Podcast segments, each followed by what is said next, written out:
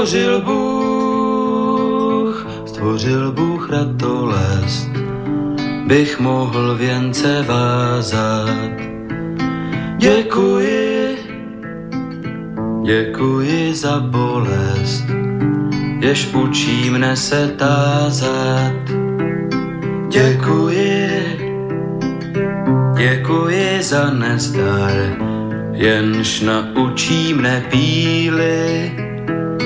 Bych mohl, bych mohl přinést dar, byť nezbývalo síly. Děkuji, děkuji, děkuji.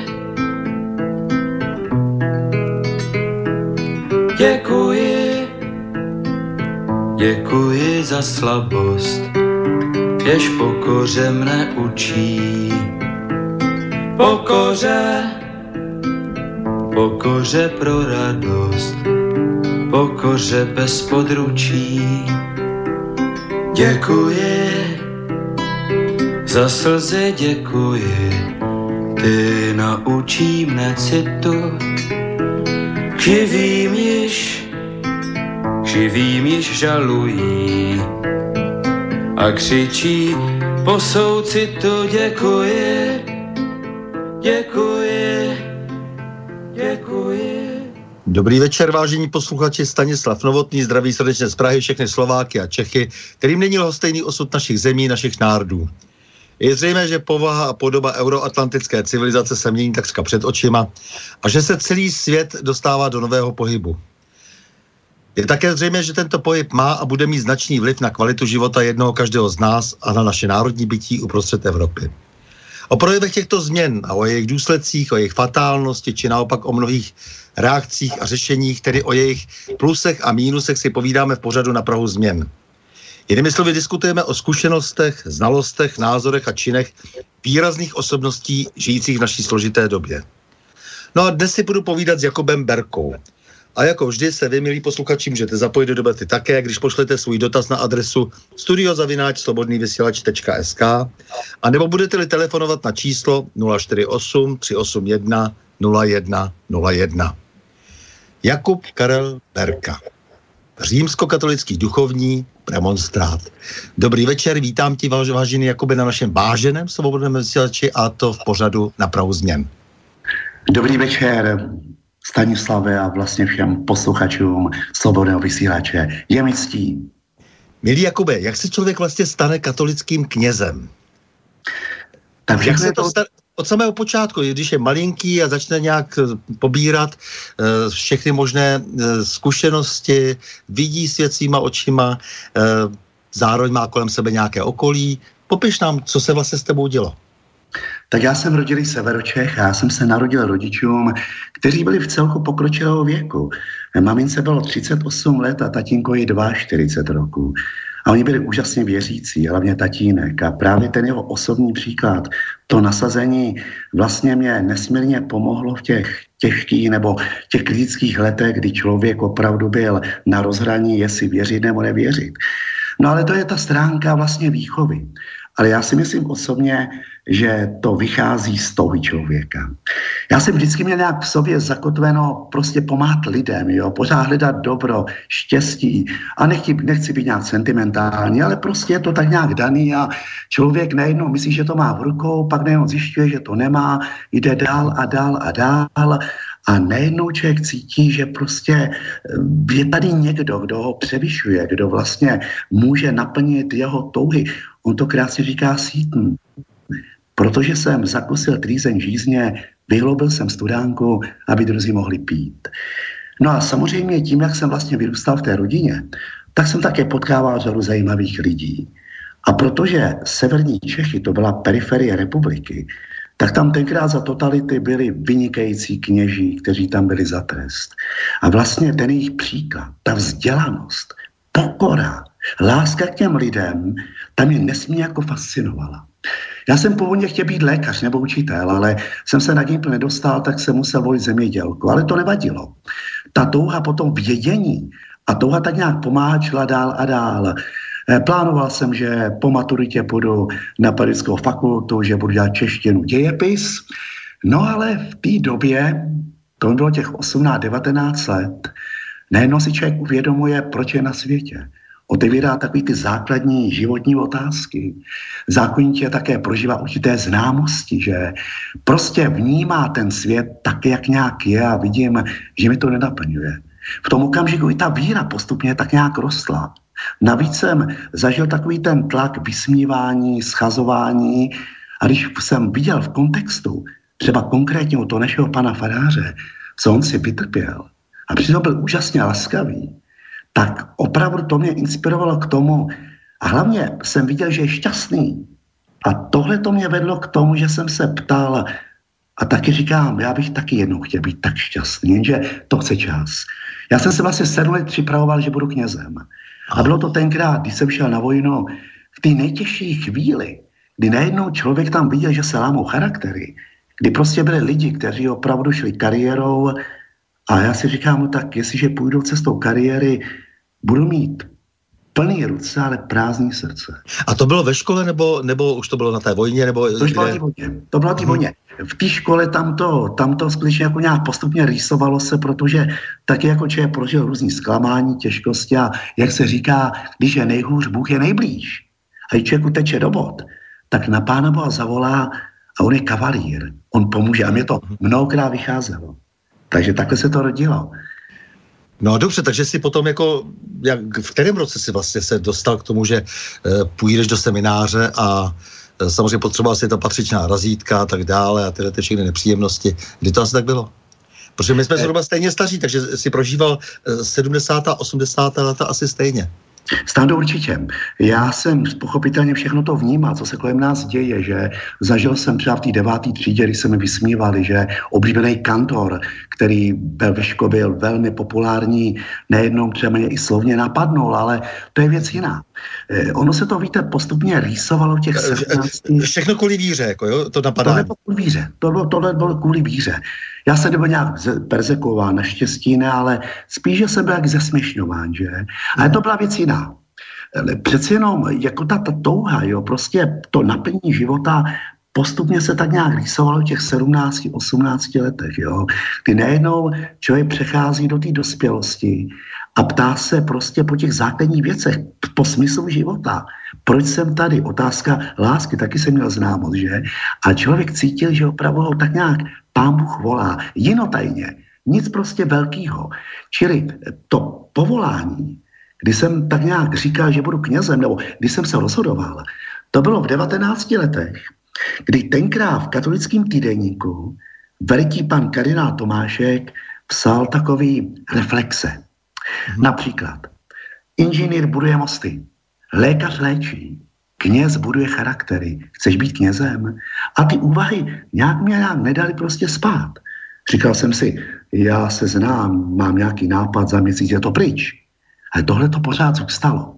A tak jsem se svěřil panu farářovi a říkal, ale počkej s tím. A tak skutečně já jsem opravdu čekal eh, vlastně, dá se říct, plný dva roky. Jo. A na vojně, tom největším takovým tom marazmu, tam prostě takový to vnitřní rozhodnutí, nebylo to nic vizuálního, nic akustického, že prostě budu knězem, to nějak začalo ve mně rezonovat, no a to mě prostě neslo dál a dál a tak jsem se přihlásil. Samozřejmě člověk měl různý krize, eh, říkal jsem si, že bych třeba, jestli se na to hodím, jestli to dokážu všechno unést, že asi třikrát jsem se rozhodoval a já jsem věděl, že pokud bych odešel, tak se znova vrátím. A je to do posud, už je to 31 let, co jsem knězem a šel bych do toho znova. 31 let knězem. Hmm. 31 let, to je neuvěřitelné je to vždycky vážná eh, věc se rozhodnout vlastně, protože jsi v semináři, že jo, pak tě čekají sliby a teď ty pořád, eh, přece jenom asi každý poctivý člověk váhá, jestli je opravdu povolaný. Určitě. Určitě, jako ty krize byly, ano, se říká, že krize je šance, že? A nesmí si to člověk nechat nějak pro sebe. Já jsem měl to štěstí, že jsem poznal výborného kněze, patera Pavla Petřinu, pozdějšího našeho převora, který měl úžasný vhled do té lidské psychologie. On zachránil spoustu manželství, pomáhal mladým lidem, on nikdy nemoralizoval a je dokázal jako tak nějak nasměrovat. A v okamžiku, kdy docházelo k lámání chleba, kdy člověk tak nějak cítil, jestli teda má jít nebo nemá jít, jestli dokáže unést celibát, jestli dokáže unést to, že bude úplně sám, jestli dokáže unést třeba i tu budoucnost, která může být ne světlá, ale i těžká, tak on mi v tomhle tom úžasně pomohl. A naposledy to bylo těsně před rájenským svěcením, kdy jsem měl obavy, jestli opravdu jsem si to nějak nevysnil. Mm-hmm. Jestli, a on mi říká, podívej se, udělej všechno možné k tomu, aby skutek neutekl. A měl pravdu.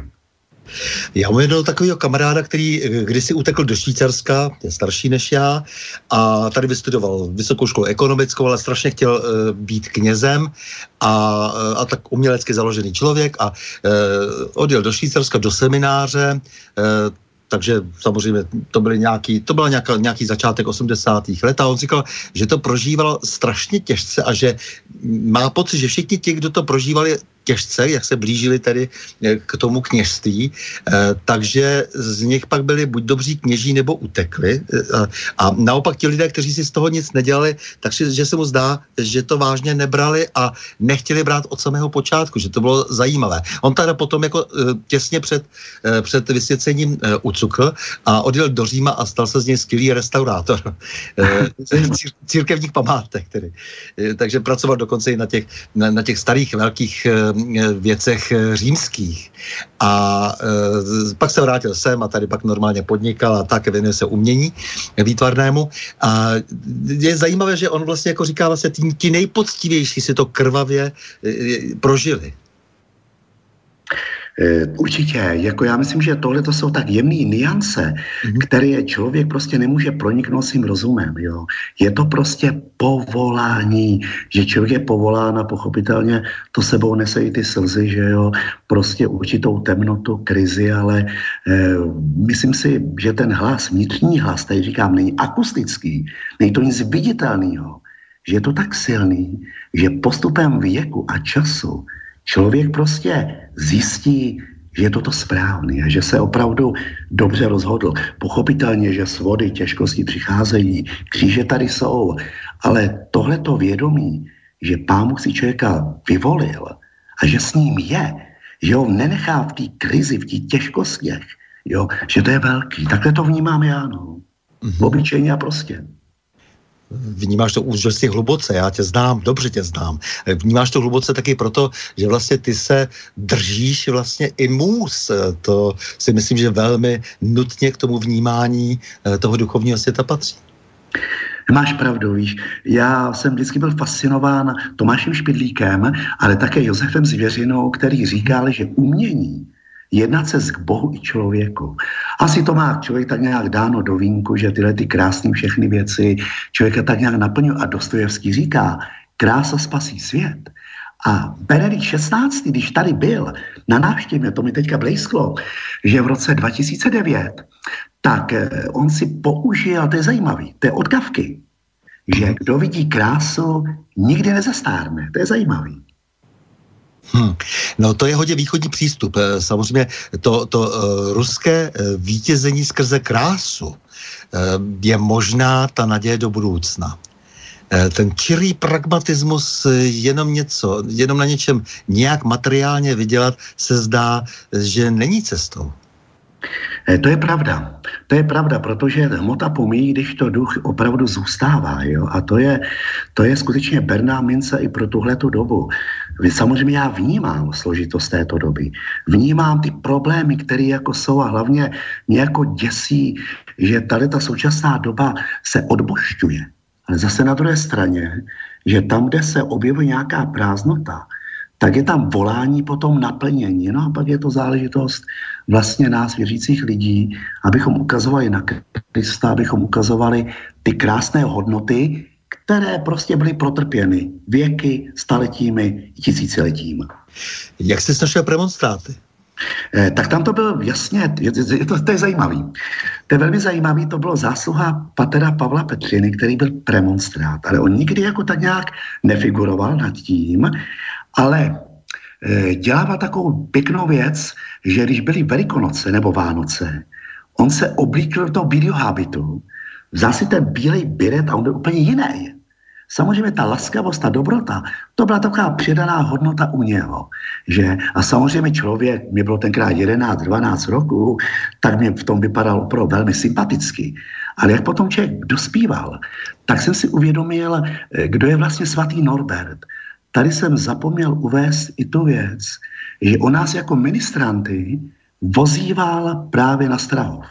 Takže já jsem od útlého věku poznával osobnost svatého Norberta. A příklad Patra Pavla a pochopitelně e, život svatého Norberta mě potom inspiroval k tomu, že vlastně nejenom řeholník, kněz, ale i člověk, který se otevírá právě té kráse. A tohle to mě fascinovalo.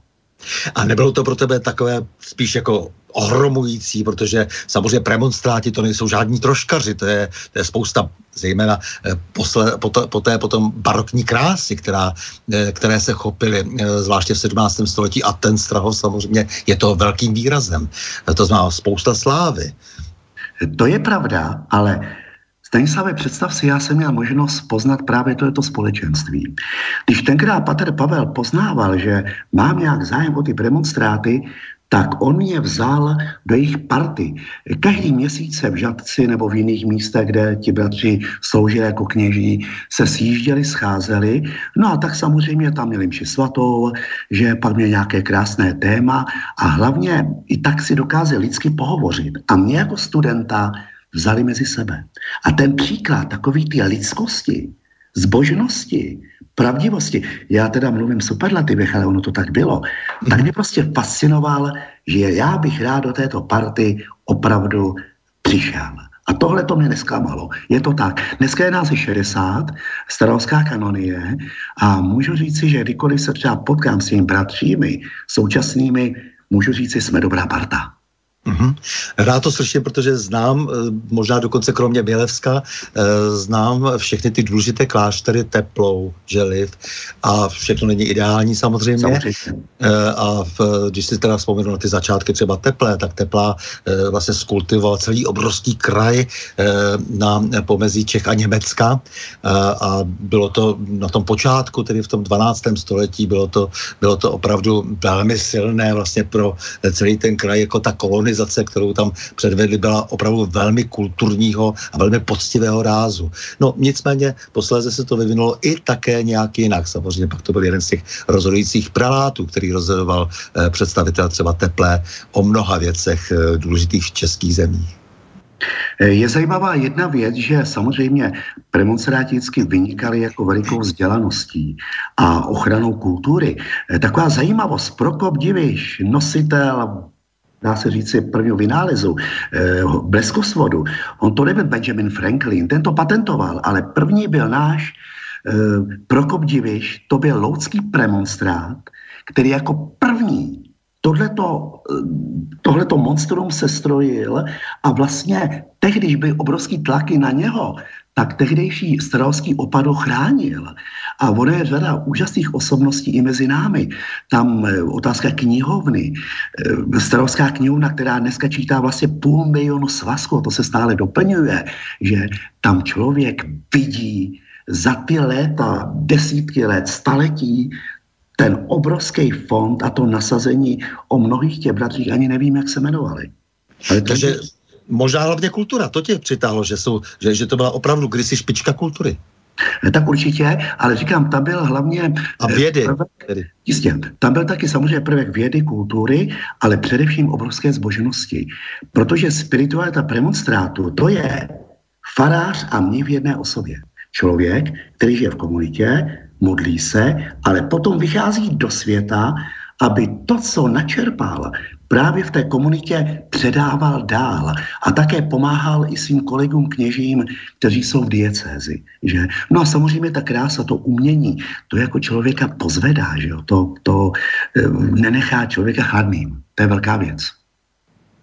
Eh, věřící, eh, kterým si potom sloužil, eh, také nenechávalo chladným třeba, když si pak začal sloužit na různých štacích, nenechávalo chladným, když třeba si skončil na svatém kopečku. Jak to vlastně bylo s těma štacema a možná ten svatý kopeček, že by si mohl zmínit zvlášť, protože myslím, že ti hodně leží na srdci. Určitě tak. Já jsem měl to obrovské štěstí, že jsem se dostal nebo štěstí, ale asi to člověk tak nějak vnímá.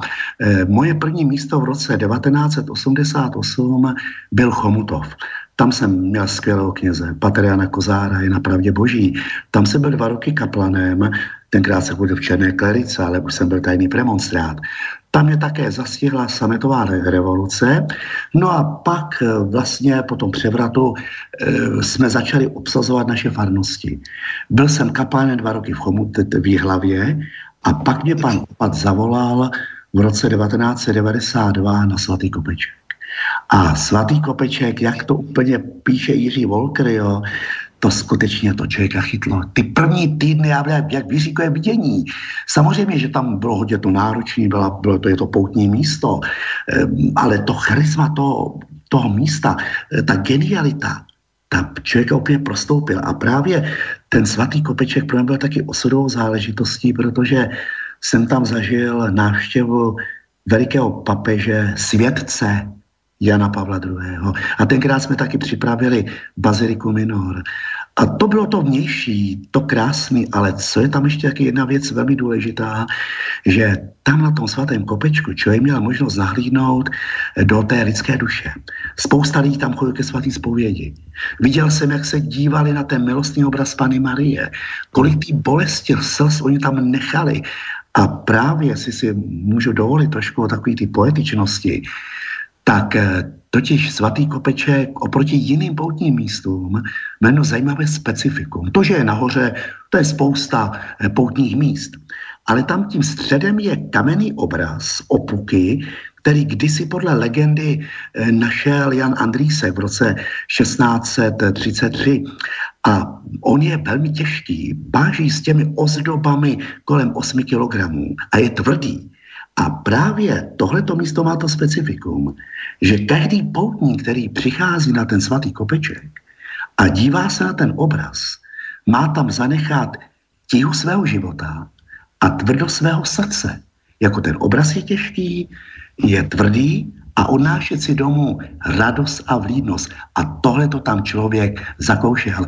A já jsem těch devět let, co jsem tam byl, já jsem to věděl.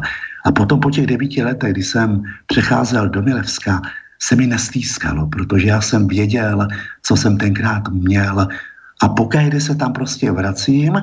No a navíc, a to já tedy prozradím, já mám velice rád Jiřího Volkra. A on tam jako chlapec student chodíval. To byl člověk úžasný, já jeho dílo znám velmi dobře. Tam dokonce, eh, kdo přijde na svatý kopeček, tak eh, vlastně v tom upatí je kříž, který právě jeho dědáčkové, kteří bydleli v té vilce blízkosti baziliky, nechali postavit v roce 1900, kdy se Jiří narodil.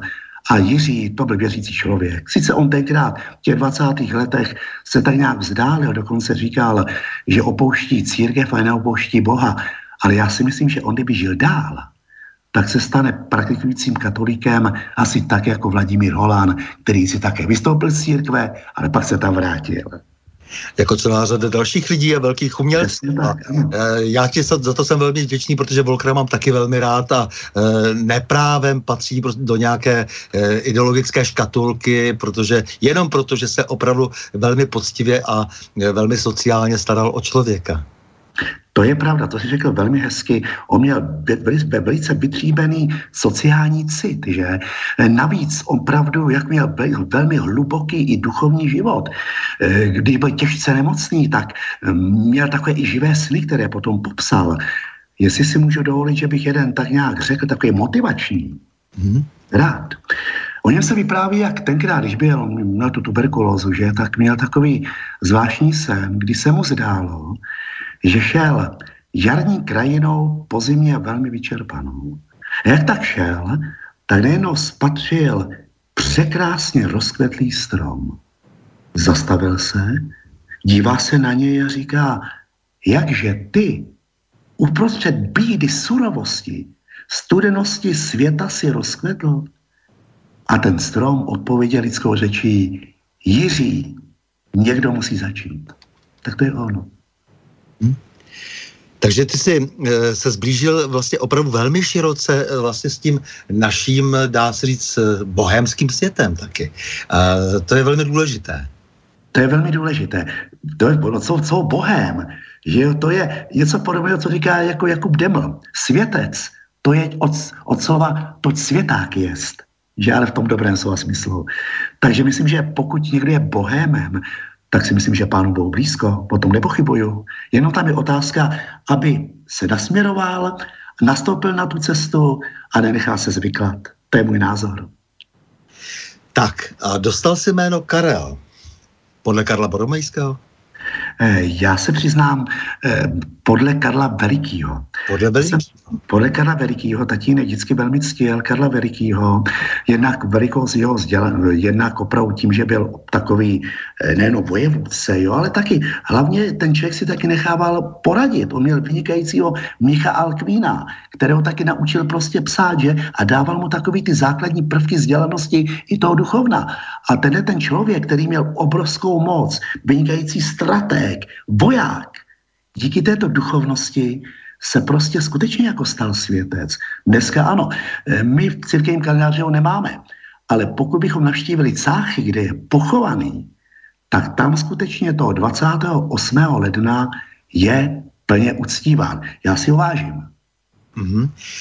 Karel Veliký to je zajímavá postava, protože někteří tvrdí, že je, je to osoba dokonce, která ani neexistovala. Jiní z něho e, dělají dnes, e, jaksi, nebo je pro ně personifikací Evropské unie. Je to velmi komplikované, to, jak se zachází s jeho dědictvím. Jak ho vnímáš ty? Já ho vnímám jako velikého panovníka, který prostě stál pevnýma nohama na zemi ale s myslí zdvíženou vzhůru.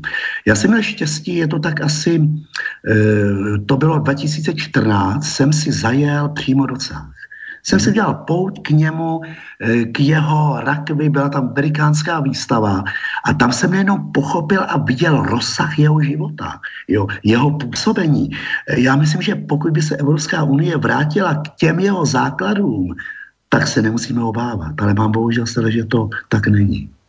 Já mám rád některé historky kolem něho, které, eh, se, eh, které opravdu souvisejí s jenom tím zdravým rozumem. Eh, on to, že si třeba vztáhl na sebe investituru, protože jmenoval své biskupy a když biskup koupil na trhu myš, která byla nabarvená jako cizokrajné zvíře, tak ho suspendoval pro hloupost.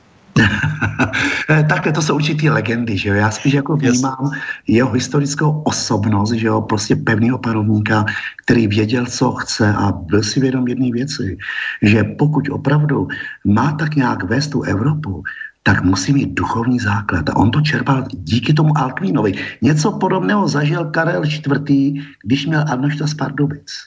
Jo, takhle. Mm-hmm.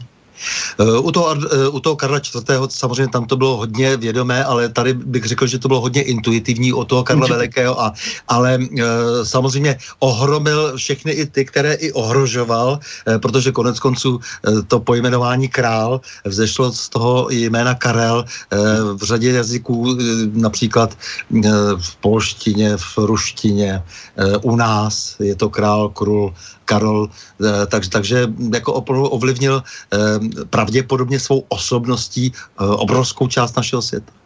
Určitě a taky navíc vlastně tu hodnotu toho krále, toho, dá se panovníka, tomu také pochopitelně díky těm, že se obklopil opravdu věřícími lidmi, těmi hodnostáři, tak jako tomu dál skutečně ten správný punc. Protože v Cáchách je přímo to místo, kde vlastně dochází korunování právě císařů svaté římské říše, že mezi nimi byli i naši panovníci. A tam je právě ten trůn z desek, z hrobových desek Pána Ježíše Krista. Jo? Že skutečně, když ten panovník byl uváděn, tak to mělo taky duchovní dimenzi. To je velká věc. Takže si prošel přes různé e, destinace po českých zemích, až si nakonec doputoval do Prahy.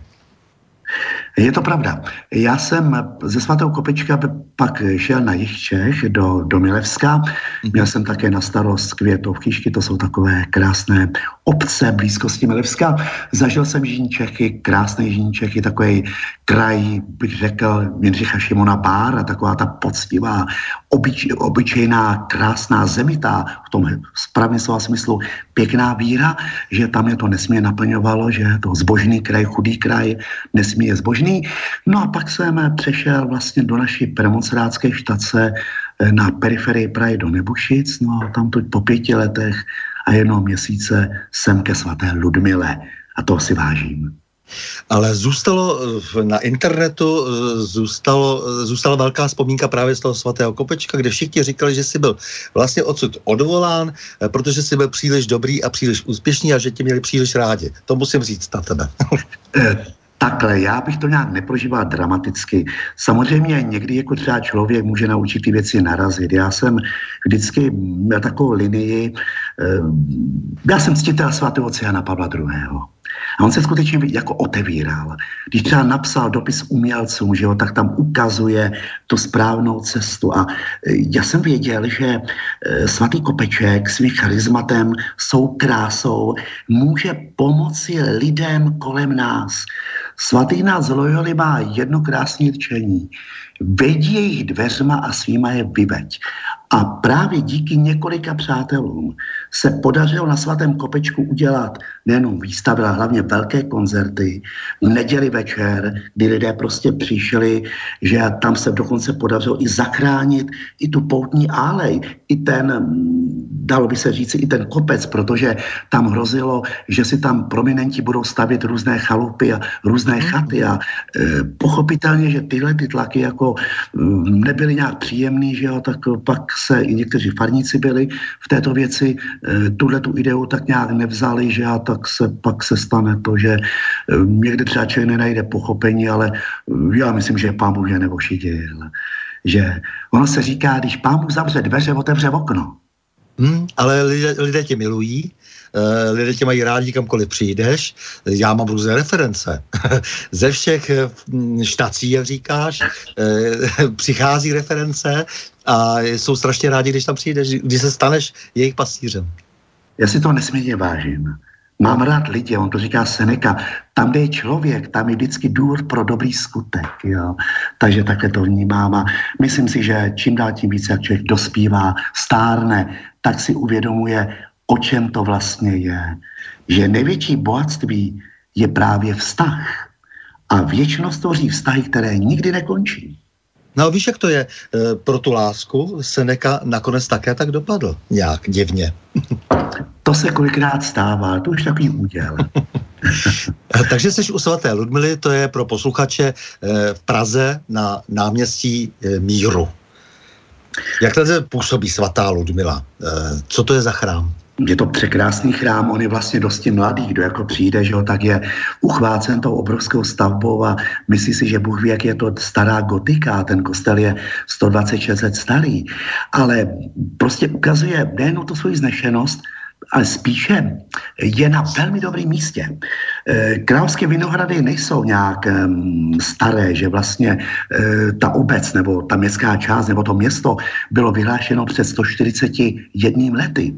A tehdy radní tak nějak cítili, že ty svý aglomeraci musí dát duchovní rozměr a měli šťastnou ruku, že povolali Josefa Mokrá a on jim navrhl právě tenhle ten překrásný kostel, který byl postaven za necelých pět roků. A protože to byli praví Češi, Vinohrady, že, tak tento kostel věnovali svaté Ludmile, první křesťance. A mě fascinuje, že vlastně právě ta svatá Ludmila spojuje západ i východ. Takže k nám chodí hodně Rusů, hodně Ukrajinců i cizinci, protože svatá Ludmila zkrátka byla před tím rozdělením.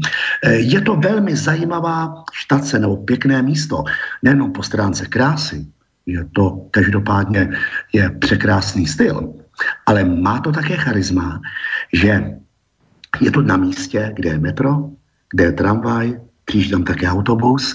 Lidé, kteří přicházejí, tak se tam zastaví a hodně se spovídá. Kdybych neznal situaci v našem národě, a teď jako možná se budou i posluchači smát, ale to bych nechtěl, tak bych řekl, že skutečně tady u svatý Ludmily křesťancí zažívá boom, protože hodně se skutečně, víte, spovídá, i ta účast tam jako bývá, ale ono je to dáno, víte, praktičností té lokality. Takže ale moc si to vážím, že kdykoliv třeba člověk, kněz usedne do spovědnice, lidé přicházejí a pokud se lidé spovídají, je to známka, že mají sebereflexy a že touží po růstu. My jsme když se s panem eh, kardinálem Dukou navštívili Kijevsko-Pičerskou lavru eh, v Kijevě. Eh, to je pro posluchače zase jeden vůbec nejvýznamnějších klášterů na východě slovanských. A přivezli jsme tam svatou Ludmilu Sošku a musím říct, že už jenom to, že se objevila v jeho ruce, když ji takhle předával, tak způsobilo obrovské nadšení. E, takže opravdu to, co říkáš, e, žije. Svatá Ludmila je velmi dobře vnímána e, na východě. Určitě, určitě to se kolikrát stává a to jsou nesčetněkrát eh, mnoho teda jako setkání, kdy třeba přijdu a ptají se na svatou Ludmilu. Tak my je směrujeme tedy jako na Pražský hrad, ale my tady máme malý ostatek svatý Ludmily, že a chtěli bychom právě dáli pán Bůh příštím roce, až bude jubilum, 1100 let. Ano, bude to ano ano, abychom dostali právě přímo velkou relikvii, protože skutečně ti lidé přicházejí, zapalou svíčky nebo kladou květiny, ptají se po svaté Ludmile. A my si toho moc vážíme. Moc. Jak ty ten svět vlastně vidíš? Vystačí ti teologie, a, nebo vůbec jak vnímáš teologii? To mě docela zajímá. Mě vždycky zajímá e, vztah těch všech možných konstrukcí a srdce. Eh, tak určitě jako teologie to je velice důležitá záležitost, protože člověk nemůže jenom žít srdcem, citem, že emocema, ale ono to musí být, já bych to řekl takhle, rozum, který je osvícený vírou. A teologie, to ní konstrukce, to je skutečně, to je základ, to jsou základní kameny, na který je položena prostě víra. Je to to jasné pojmenování. E, protože pokud člověk určitou věc pojmenuje pravdivě, tak ji má. Že? A on to říká Aristoteles, dejte mi pevný bod a pohnu s celým světem. Čili ta teologie skutečně je správná, pravdivá, že, tak člověka nese. A na té platformě rozumu já pak můžu ještě rozvíjet ty věci citu, srdce a tak dále. U toho chvilku možná zůstaňme, protože e, mám takový pocit, že se někdy právě příliš akcentuje teologie jako věda. E, já si ještě trošku myslím, že ty věci jsou složitější, to víme od e, Tomáše Akvinského. Přece jenom, že ta filozofie je tady od toho, aby zdůvodnila vlastně i tu teologii. Jak ty to vnímáš, tenhle ten vztah? Jenom se zeptám, nemusíš to, to nějak složitě rozvádět, ale aspoň trošku. Takhle, je pravda, že filozofie je sestrou teologie, jo? ale ta teologie prostě dokáže vytáhnout ty věci, které jsou vlastně na tom filozofickém základě. Jo? Čili eh, rozhodně nemůže být proti. Jo? Pokud je to opravdu čistá filozofie, že pravdivá filozofie, tak ta teologie, čili filosofie, láska, eh, láska prostě k rozumu a tak dále, že když to teologie láska k Bohu, tak tam to prostě bych řekl, to je celý na druhou, pokud jsem to dokázal takhle jako tak nějak pojmout. Já v tom nevidím žádný protiklad, jo. Tam je věc tahle, ta, že ta teologie nesmí být suchá. Že nejenom já rozumově to pronikám, ale nad tím je zkrátka hospodin Bůh. A ono, to je otázka vědy. Ve vědě člověk dojde až na samou hranici vědy, kde končí věda a začíná víra. A takhle to vnímám. Jako filozofie, tak i u teologie. A kde stojí to umění, eh, tedy to aristotelské umění, které způsobuje katarzy? To spojuje. To spojuje. To je skutečně, to vychází z obou. Že? Mm-hmm. A právě to, co třeba teologie těžko dokáže pojmenovat, filozofie třeba tak nějak obrazně, to umění, to už se dotýká absolutna. V našem životě je řada věcí relativních, to vidím na každém kroku.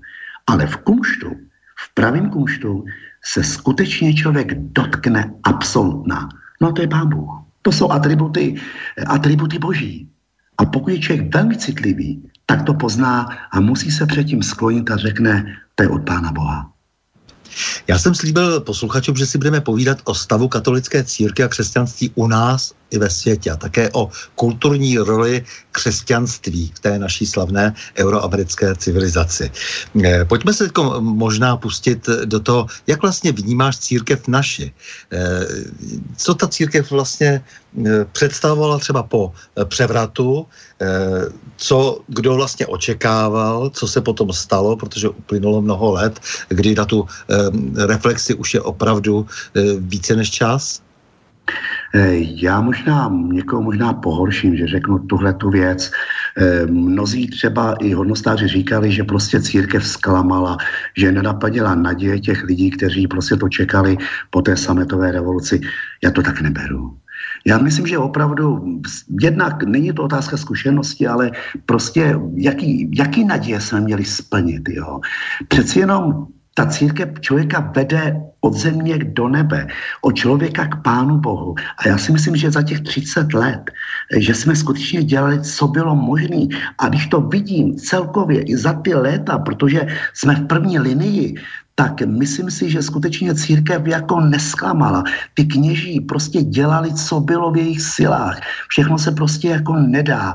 Tak já si myslím, že mm, to není tak jako černý, pokud to jako dobře jako tak nějak vyjadřuju. Mě spíš jako mrzí jedna věc, že prostě otevíráme určitý umělý problémy. Jo?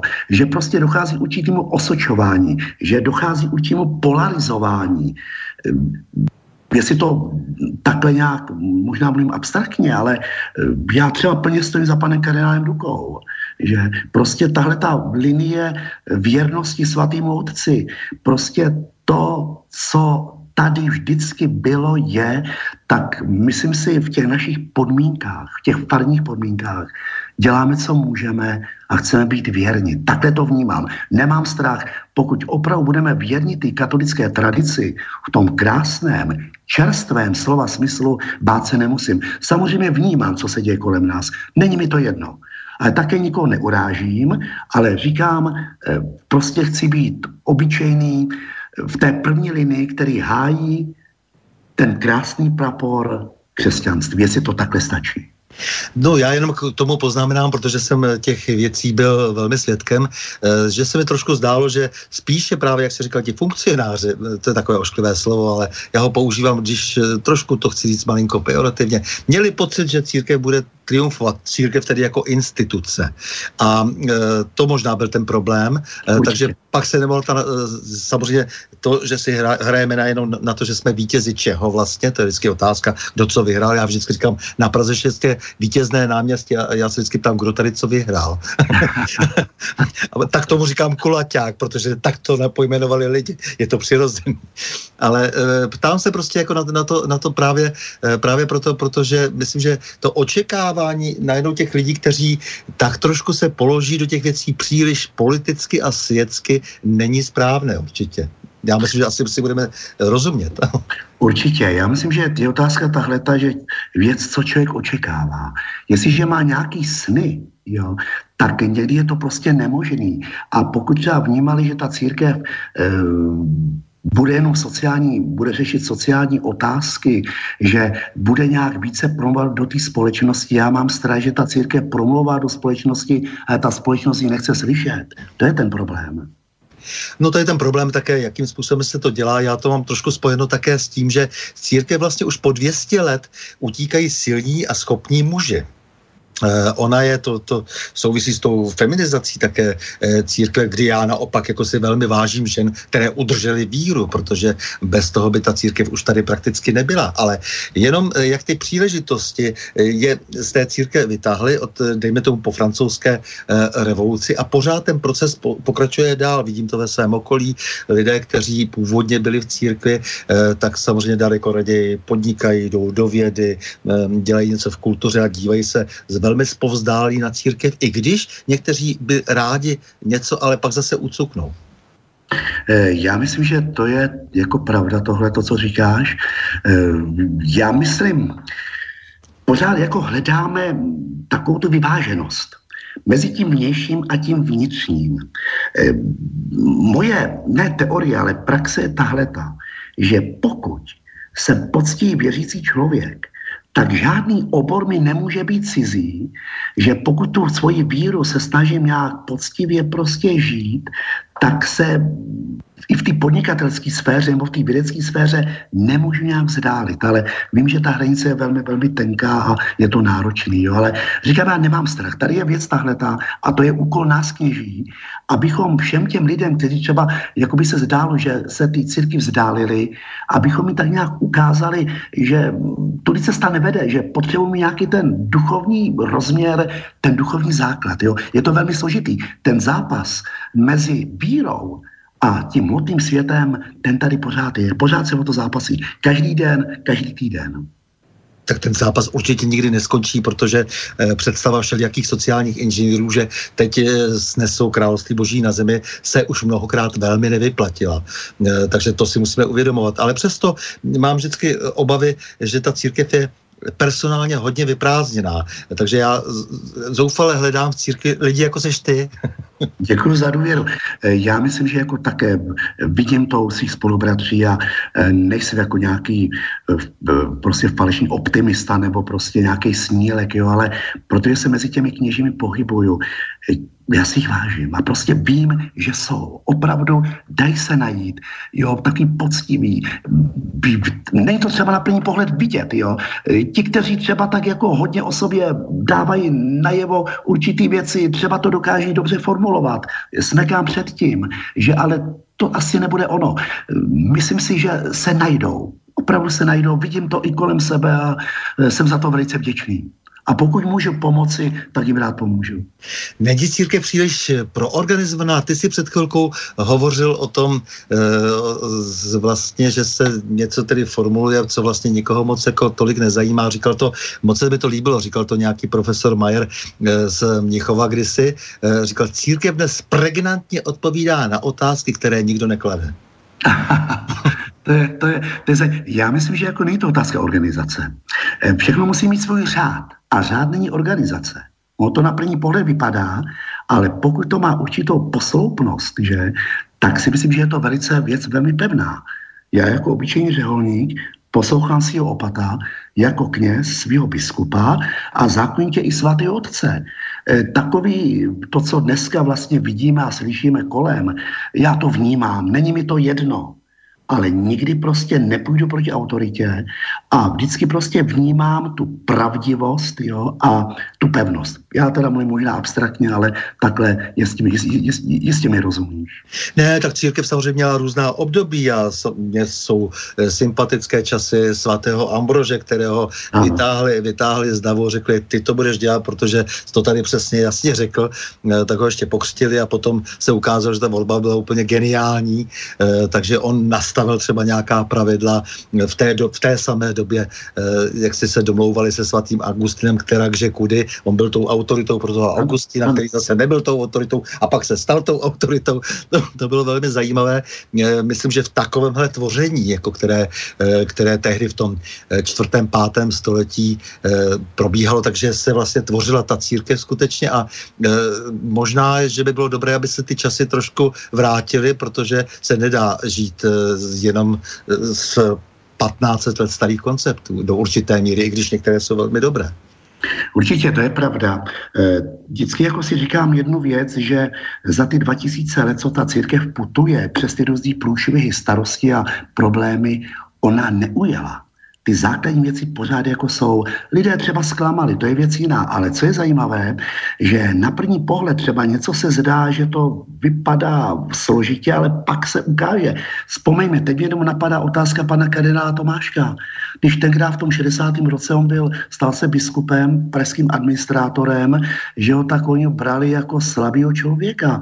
A najednou v okamžiku na podzim svého života za volby papeže Jana Pavla II. se z něho stává tak taková persona, jehož rezonance doposud prostě je. Jo? On to krásně říká Chesterton. Pán Bůh si nenechá koukat do karet. My se díváme, jak je míchá. Mm-hmm. No, já jsem jenom chtěl říct, že samozřejmě bychom se e, měli, a Seneca to konec konců říkal, teď si mě na to vlastně přivedl, že se nemáme nechat unášet e, tím proudem jenom. E, máme jít. A jestli máme jít, tak e, musíme také trošku sebevědomně e, přemýšlet e, a ne jenom tedy říkat, jako je všechno v pořádku a e, já vím, že ty máš rád jako trošku tu konciliantnost větší. Já zase vždycky říkám, že zase, když jsou ty chlapy v té církvi, tak samozřejmě to bude jiskřit, bude to ostřejší, ale na druhou stranu z toho může také potom něco vzejít. Mně to dost schází, eh, že tam tenhle ten element víceméně chybí. Myslím, jak věříc, mezi věřícími, tak jak si ve větší míře taková ta možnost eh, mezi, mezi kněžími. Jo, máš na to nějaký názor? Máš pravdu, ono to musí jiskřit. Protože pokud jako dochází k výměně názoru, tak se to všechno protříbí. Že? A tam jde o jednu věc, aby jako, pokud člověk je pravdivý, že ono třeba hrozně to zabolí, ale on to říká Kristus Pán. Poznáte pravdu a pravda vás osvobodí. My si nesmíme jít nalhávat. Musíme ty věci jasně pojmenovat. Jo. Ehm, dnešní člověk je velmi citlivý. Jakmile se někde mlží, nebo něco převrací, nebo říkají se polopravdy, tak ta alergie se prostě objeví. Já, že jsem připomněl toho svatého Augustina, kterého mám velmi rád eh, a, a, a načrtl vlastně tu církev se vším všady a dokonce načrtl tu příští Evropu, aniž si to kdo dnes uvědomuje, protože v tom DC Vitáté zdejí, tedy ano. o obci boží, eh, vytvořil i ten duální systém, aby náhodou teda ta jedna moc, aby ty svody nebyly moc velké, aby třeba ta církev nechtěla moc světsky vládnout a no pak se to všelijak vyvíjelo, bylo to vždycky eh, konec konců složité, ale nějak tam ten princip fungoval. Byly ty období horší a tak dále.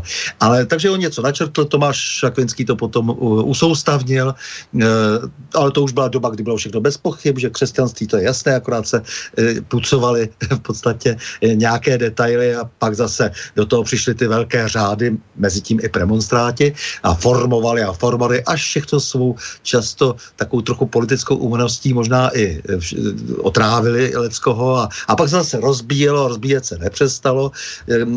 Prostě v tom 18. století a pak teda v, tom, eh, v těch všech revolučních dobách, které uvolňovaly lidskou svobodu, ale trošku zapomínali, že najednou eh, přestává být řád ve vztazích. Eh, to je pravda. Vlastně ono soud je dokonalý společnost, církev a stát, že jo? to i právo uznává.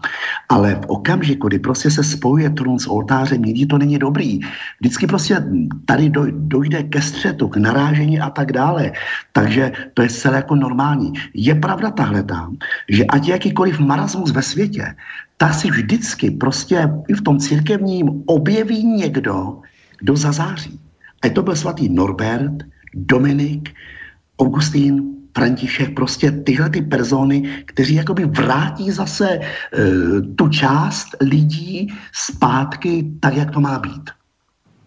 Hmm. No, mně jde totiž o to, jako k čemu trošku směřuji. E, protože se v tom, během, během toho 19. století, kdy došlo k obrovskému vědecko-technickému pokroku takzvanému, Říká se tomu pokrok, já to slovo nemám moc rád, ale no, nicméně to se tehdy stalo. Říká se tomu tak doposud eh, a všichni mají ještě doposud pocit, že jak si s, každou, s každým nějakým technologickým udělátkem eh, lepším, že jsme se dostali někam dál, aniž bychom eh, zapomněli na to, že jsme možná, možná někdy pořád uvažováním někde u zákonníku Chamurapiho. tak já chci jenom říct, jako, že ta, ta touha po, tý, po té nápravě, protože církev samozřejmě v tom 18. století se nechovala ideálně, co by instituce. Eh, v té Francii to bylo velmi zřetelné a například svobodní zednáři, další spolky eh, svou touhou po nápravě převzali tedy iniciativu, ale stalo se co? Vlastně i ten duální systém se zrušil. Takže ta konspirace, která k politice patří, to vždycky, když všichni říkají, to jsou konspirátoři, ne, tak politika se dělá vždycky konspirativně. E, tak vlastně najednou neměli, ne, ne, neměla ta světská moc, neměla žádnou oponenturu zvláštní. Jo? A myslím, že teď dojíždíme e, na, na, na ty e, tě, těmi důsledky. To znamená, během toho 19. století ještě pořád lidé byli nějakým způsobem dá se říct, vychováni a e, platilo třeba podání ruky při uzavírání nějakých smluv. E, prostě stáhová hodnota důvěra existovala. A ta důvěra vlastně se postupně vypařila. E, dnes i podepsané smlouvy nedávají moc často smysl. teď zápasíme s tím tedy, že ten pořádek ve vztazích najednou nefunguje. Eh, tohle to je pravda. Tohle to je pravda. Eh, v okamžiku, kdy vlastně se dotýkáme církve a toho světa, jo, ve chvíli vlastně církev tohle to jak zrazuje, no tak pak vidíme, jak to prostě dopadá. Ono v okamžiku, kdy prostě stát, když to řeknu takhle, prostě chválí církev, tak je to vždycky podezřelý. Protože vždycky v tom světském slova smyslu dochází, eh, člověk je zasažen dějčnou vinou, to říkám velmi jako zbožně a teologicky, takže jako opravdu eh, ta slabost, hříšnost, jo, různý poklesky tady jsou, že v okamžiku, kdy prostě a, aspoň třeba cestou mlčení se tohle to nechává, no pak to vidíme, jak to potom dopadá. A pak se to vždycky obrátí proti církvi. A my to prostě vidíme na každém kroku a nese se to i do posud. Jo. Proto myslím si, že radikálnost není jako negativní záležitost, ale je to prostě nazvat pravdu pravdou, zlo zlém, dobro dobrém. Že tam kompromisu prostě jako není. Že a pokud opravdu v této věci se jako my křesťané, eh, tak to budeme stavět, že prostě budeme opravdu v této věci věrní, eh, samozřejmě, že narazíme, ale ukážeme, kudy vede cesta. Protože to, co jako víte, vidím kolem sebe, my jsem spokojený. No, protože nekontrolovatelná politická uh, moc vlastně vždycky důsledně ničí všechno Určitě. kolem sebe. A, e, a církev měl, držela často velmi silnou politickou moc a taky se to vždycky nevyplatilo, nebo někdy vyplatilo, ale jako zase posléze po delším e, odstupu se ukázalo, že to bylo velmi špatně. E, a, ale teď jako, jako by vůbec ta brzda nebyla. Myslím, že to je velmi špatné. Dokonce tyto síly často prorostly církev a kontrola opravdu tedy žádná, takže ty, ty, ty zdravé církevní struktury, mohli to tak nazvat, tedy teď myslím jednotlivci v církvi spíš, e, mají dnes obrovské problémy. Někde se pokouší všelijakým způsobem si to i trošku zidealizovat nebo teologicky podepřít. Proč jsou proti tomu a proti tomu, proti tomu.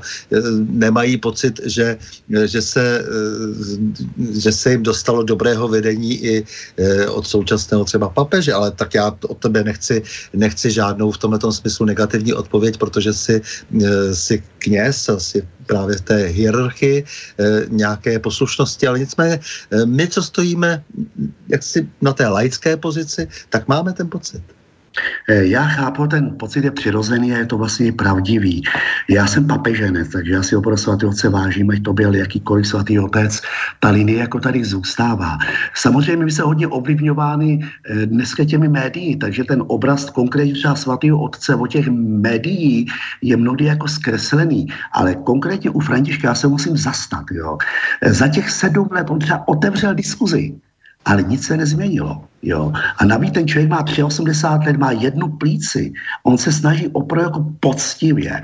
E, myslím si, že je důležité, a teď už možná trošku je to velmi vzdálené, ale e, já jsem tady na té na nejnižší pozici, ale prostě pokud můžu, aspoň tady kousíček, jo, prostě ukázat, že potřebujeme mít jasně, aby to bylo jasný, rozhodný, pevný. Že? Já pořád v to věřím a nejsem nějak naivní, ale zkrátka z těch dokumentů eh, se snažím najít vždycky eh, to pevný. A přesto jako nejede vlak. Já chápu, že jsou určitý výtky, beru to tak.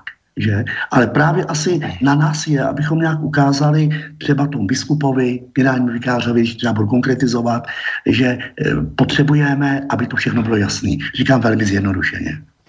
No jasně, bylo by dobré, kdyby taková ta základní zásada, která mě připadá poměrně triviální a nebyla naplněna, já jsem se snažil kdysi, kdysi takto radit i eh, kardinálu eh, Vlkovi, aby se, aby se nesnažil plést příliš do eh, stranické politiky. Takové v tom úzkém slova smyslu. Protože církev nakonec nějakou politiku vždycky dělá minimálně, jak se zmínil, sociální oblasti, tam je to samozřejmé, tak prostě co, co jiného, ale, ale takové to, že vlastně ovlivňuje ovlivnili volbu nějakého předsedy nějakých, nějaké strany lidovců nebo někoho takového. To, to si myslím, že není důstojné, eh, protože přece ta, ti hierarchové nebo vůbec kdokoliv, jakýkoliv kněz církve má to úžasné luxusní postavení, že se může bavit úplně se všemi. S masovým vrahem, eh, stejně eh, jak si, jako třeba s komunistou, s pravičákem, levičákem, je to úplně jedno. Určitě, já, je to můj osobně taky názor, že mi nedělá problém, ať je modrý, nebo žlutý, nebo červený, zkrátka nebo oranžový, vždycky jde o toho člověka. V tomhle vlastně ta církev musí být vnímaná, že e, není to jednoduchý. Nejsem proto, aby se jasně říkalo, koho budu volit, ale spíše ukázal, kdo, budu volit toho, kdo má tyhle ty, tyhle ty hodnoty. Chrání život od početí eh, k, zem, k úmrtí, prostě má tyto zásady a jestliže opravdu je to tam jasný, tak, a to je úkol církev, nasměrovat právě ty lidi k těmhle těm hodnotám, k tomuhle tomu programu. Jo. E, vím, že tenkrát, když si komunisti říkali, že církev se nemá plést do politiky, to je nesmysl. Ona má do politiky co e, mluvit, protože polis jsou věci obecné. Že to, samozřejmě, to, to, to je nereálné, to všichni se pleteme do politiky, jo. pochopitelně.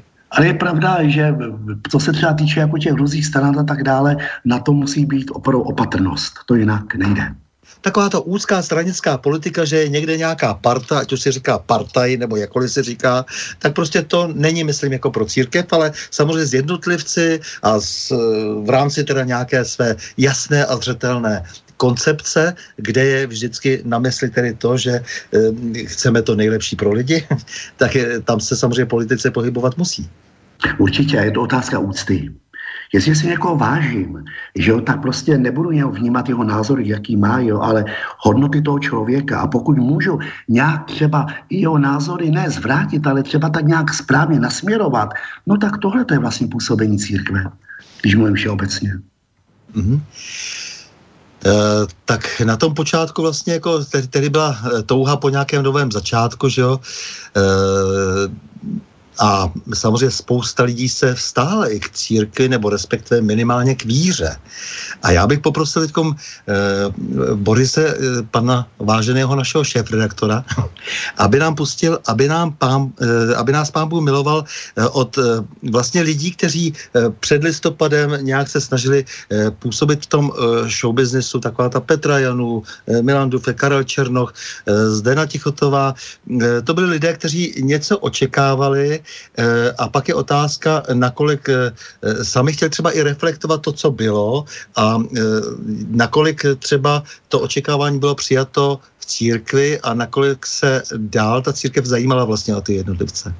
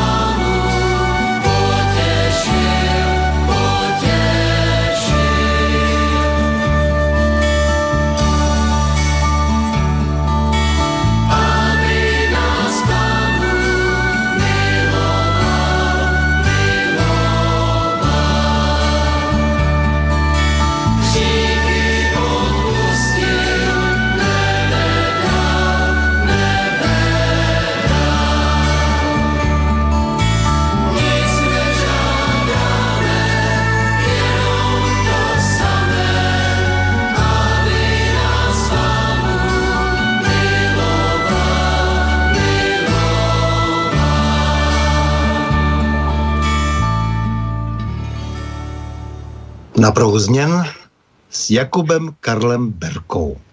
Já jsem tu písničku pustil proto, protože e, tam byla řada tehdy jaksi umělců, kteří vystupovali před eh, listopadem 89, pak došlo k nějakému převratu a teď tady prosí, aby je pámu miloval a to souvisí ale jako i s vnitřním stavem církve, i s nimi.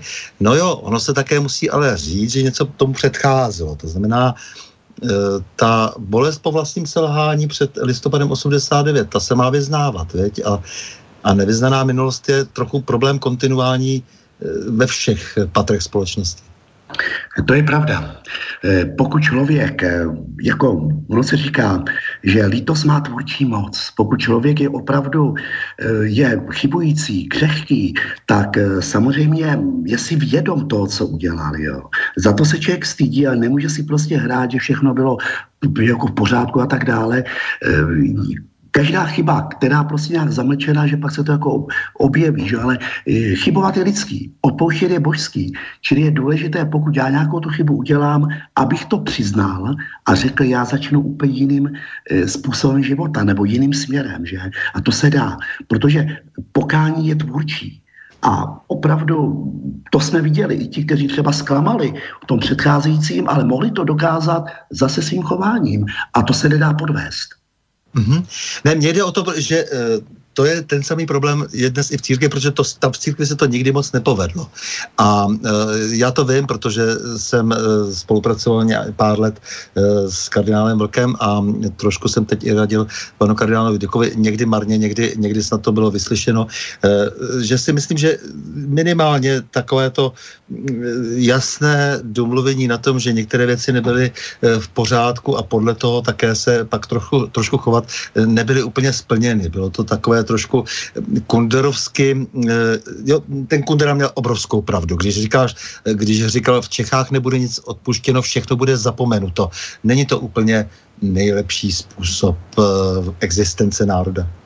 Taky si myslím, pokud jako člověk udělá chybu, tak by ji prostě měl přiznat. Eh, každý máme nějakou minulost, ale potom ta současnost, ta budoucnost může ukázat, ano, tenkrát to bylo, tohle jsem udělal, tam jsem klesl, tohle jsem pokazil, to jsem prohrál, ale dneska už jsem někde jinde.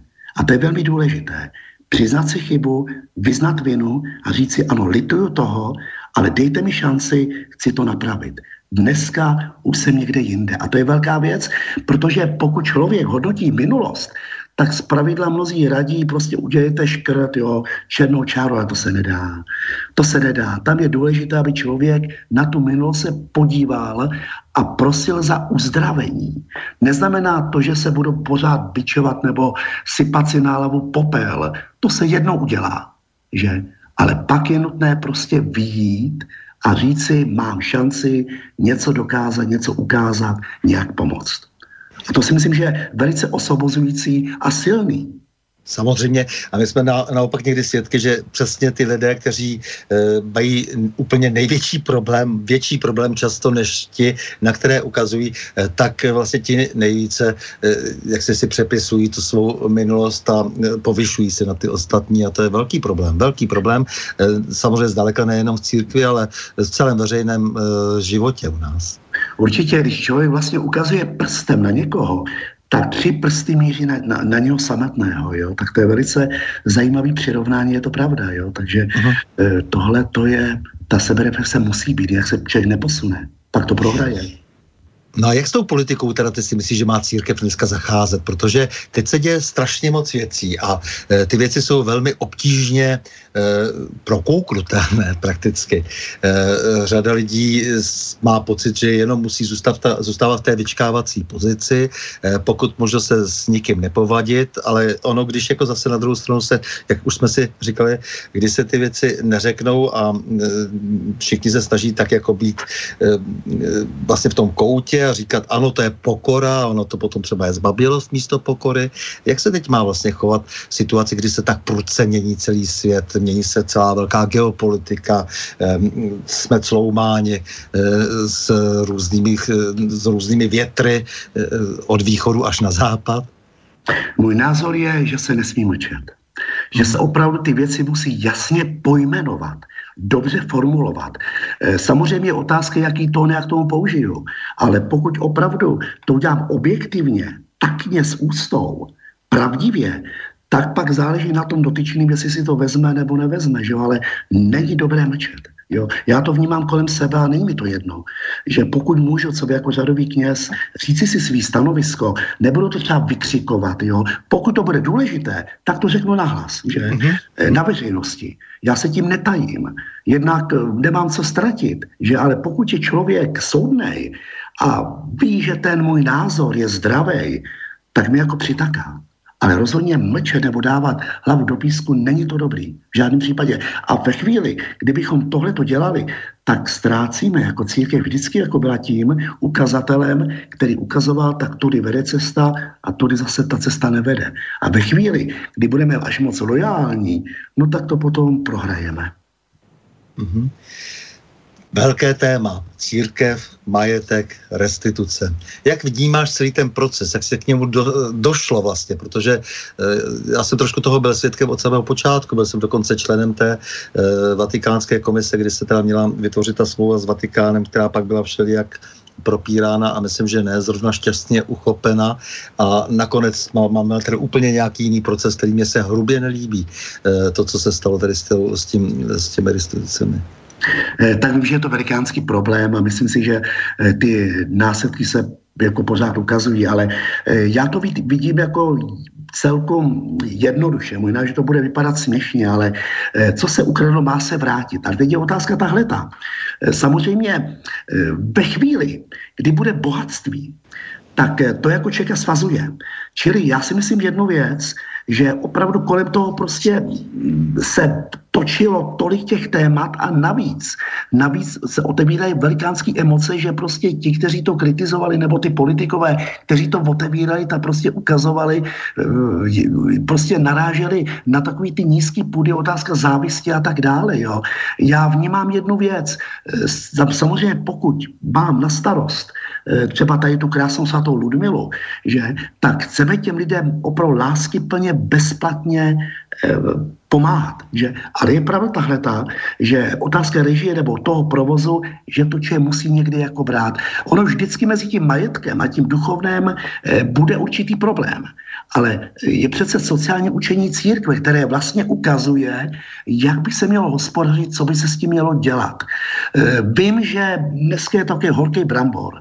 Pořád se o tom mluví, eh, pořád to nějak dotažený, eh, spíš jako my z toho máme více ostudy, ale zase je věc tahleta, abychom byli v područí státu, jak to bývávalo, to není dobrý. Já pán, ty pán. Že Zatím to tak úplně není samozřejmě, protože hmm. od toho státu se ty peníze dostávají naopak, jako, ale eh, a teď je vždycky otázka vlastně i té účinnosti. Ona, te, ta společnost se vždycky vyvíjí. Víš, jako ono to bylo i v tom starém Římě, i když, se jako ta, i když ta církev tak nově potom Konstantinovi vznikala a pak to zase bylo trošku v jiném gardu, když celé to území zabrali, zabrali eh, germánské eh, kmeny a přinesli svoje právo, tak to zase bylo jinak a pak se zase vyvíjel ten vztah potom 11 12. století zase a tak dále, a tak dále. Není to tak úplně jednoduché. Pak zase, když už, když už eh, vlastně polovina Čech byla eh, v rukou zase eh, církevních hodnostářů, vznikl, vzniklo z toho obrovitánské sociální napětí, které vyústilo k bratroraženou válku, která znamenala smrt pro třetinu lidí. Eh, tehdy v zemi. Pak zase na druhou stranu přesně ty samé konflikty eh, vedly k válce, kde zemřely dvě třetiny lidí, 30-leté válce. Eh, poté tedy husické. Eh, no, je to, je to problém, který se neustále vyvíjí a nelze to tak jednoduše říct, co bylo ukradeno vrátit. Víš, jako ono... Teď, já ti rozumím, já ti no, rozumím. Teď, teď jsou tady třeba ty lichtenštejnské restituce, no tak eh, já s tím mám problém, protože pan Lichtenstein byl tedy ten předek, který získal ty majetky, tak to byl ten člověk, který popravil ty české pány a za to dostal ten majetek. Je to dost zvláštní odměna, pro nás teda by měla být. No, nicméně potom to spojení s nacisty bylo zcela zjevné. Eh, takže eh, spousta věcí se stále tímto způsobem eh, modifikuje, upravuje, přepisuje a některá ta pravidla, která zní tak věrohodně, nejsou tak jednoduchá. Máš pravdu, já jsem samozřejmě tohle to nebral jako já v globále, ale třeba konkrétním místě, třeba já nevím, beru to v tom malém, v tom mikroregionu, že jo, v tom mikro eh, kdy vlastně třeba opravdu e, ta fara měla své určité pole, nebo někdo, jak to kolikrát se stávalo, že ty donátoři věděli, neměli děti, tak to věnovali tomu klášteru, nebo tomu kostelu věděli, že ten majetek bude v dobrých rukou. Takhle jsem to myslel, že samozřejmě ty ostatní věci, to už je věc velmi složitá a e, plně sdílím tvý názory. Ne, já tomu to naprosto rozumím, ale jako ta situace zase byla úplně na lid zemědělský. E, samozřejmě e, měl v ruce jinou hodnotu e, než lid informatický, to je jasné.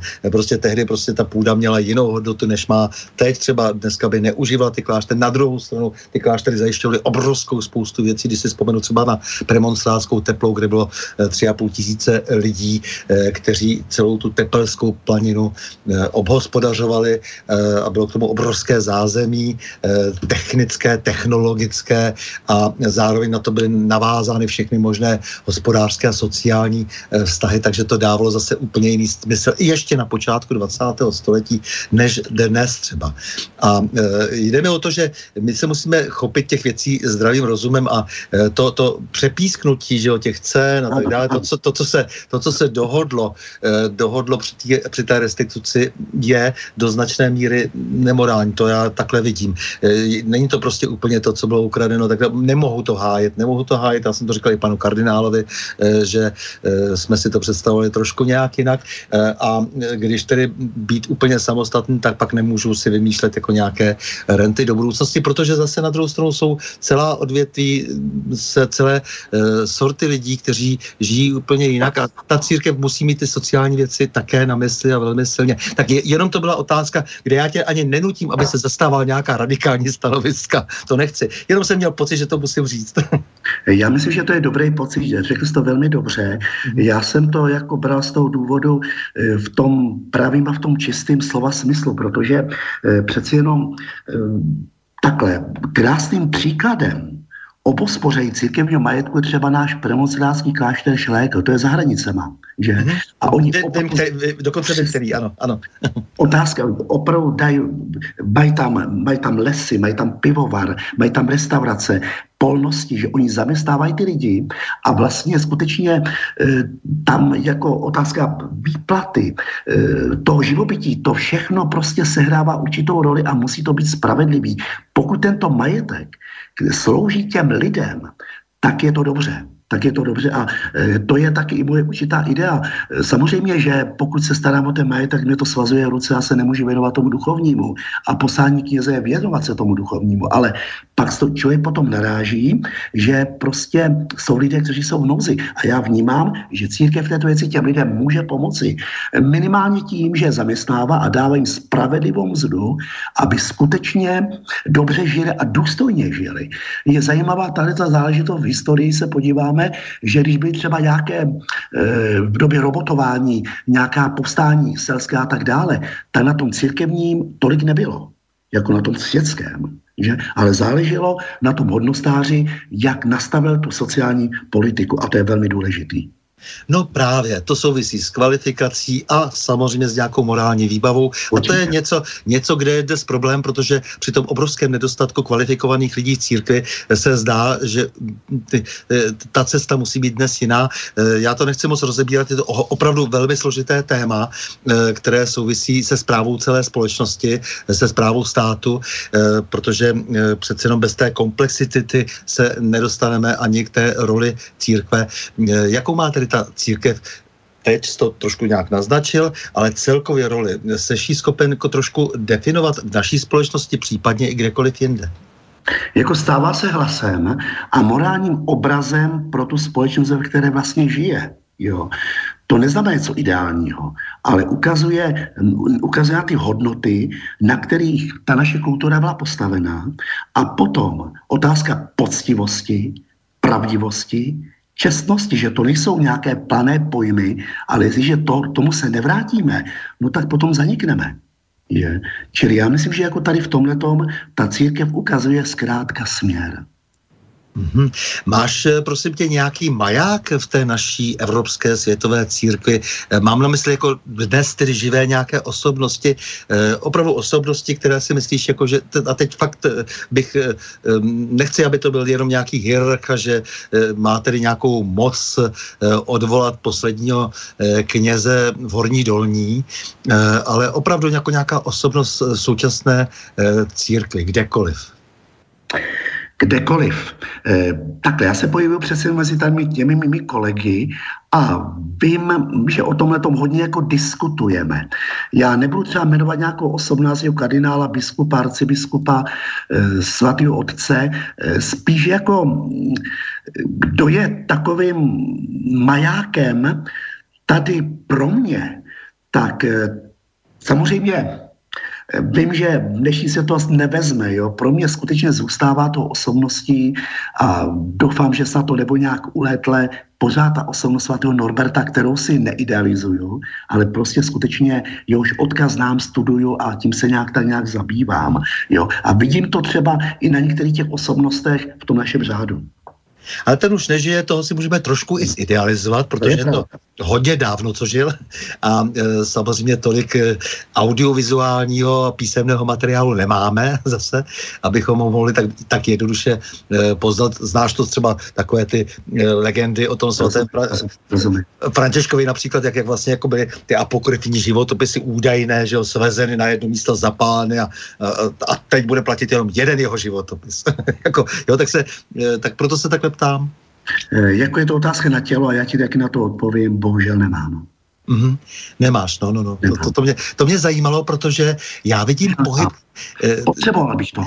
No maliny, malininko jsem se prostě jak, jak, jak, se, jak si, tak jakoby eh, jen tak rozlí dotkl a vidím třeba, že jsou zajímaví kardinálové v paprice, eh, že jsou, že jsou zajímaví eh, lidé v úplně jiných v rozvojových částech světa, kteří upozorňují na to, že děláme v Evropě strašné vylomeniny. O kardinál Sarah třeba jako. A tak, celá, celá, celá řada takových lidí najednou poukazuje na to prostě, říkají, vy se chcete, vy chcete zničit celou civilizaci křesťanskou, co to vlastně vyvádíte.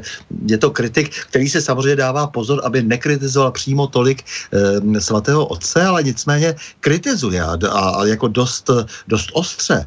E, a je celá řada takových lidí, e, kteří jako najednou nepostrádají zdravý rozum, ale jakoby přestávali fungovat v našem civilizačním okruhu. Nebo respektive do toho civilizačního okruhu se spíše dostávají lidi, lidé z těch původně nebo stále ještě rozvojových zemí. Eh, je to, to je zajímavá záležitost, že a eh, pokud třeba už je ta kritika jako je objektivní, tak já se k té kritice připojuju. Mm-hmm. To říkám upřímně.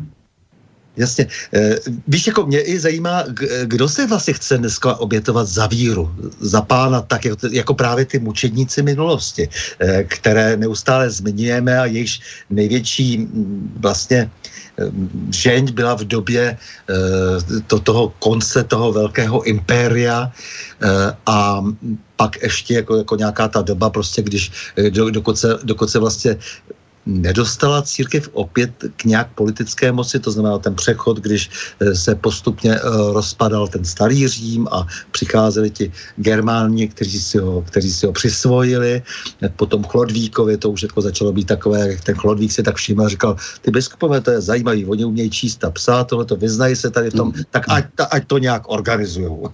jako, jo, já ho úplně jako neumím tak jako eh, posvětit jako někteří, taky myslím, že Jan Pavel II se dokonce kdysi, eh, kdysi podivoval nad tím, jak to trošku ty francouzi přehání s tím chlodvíkem.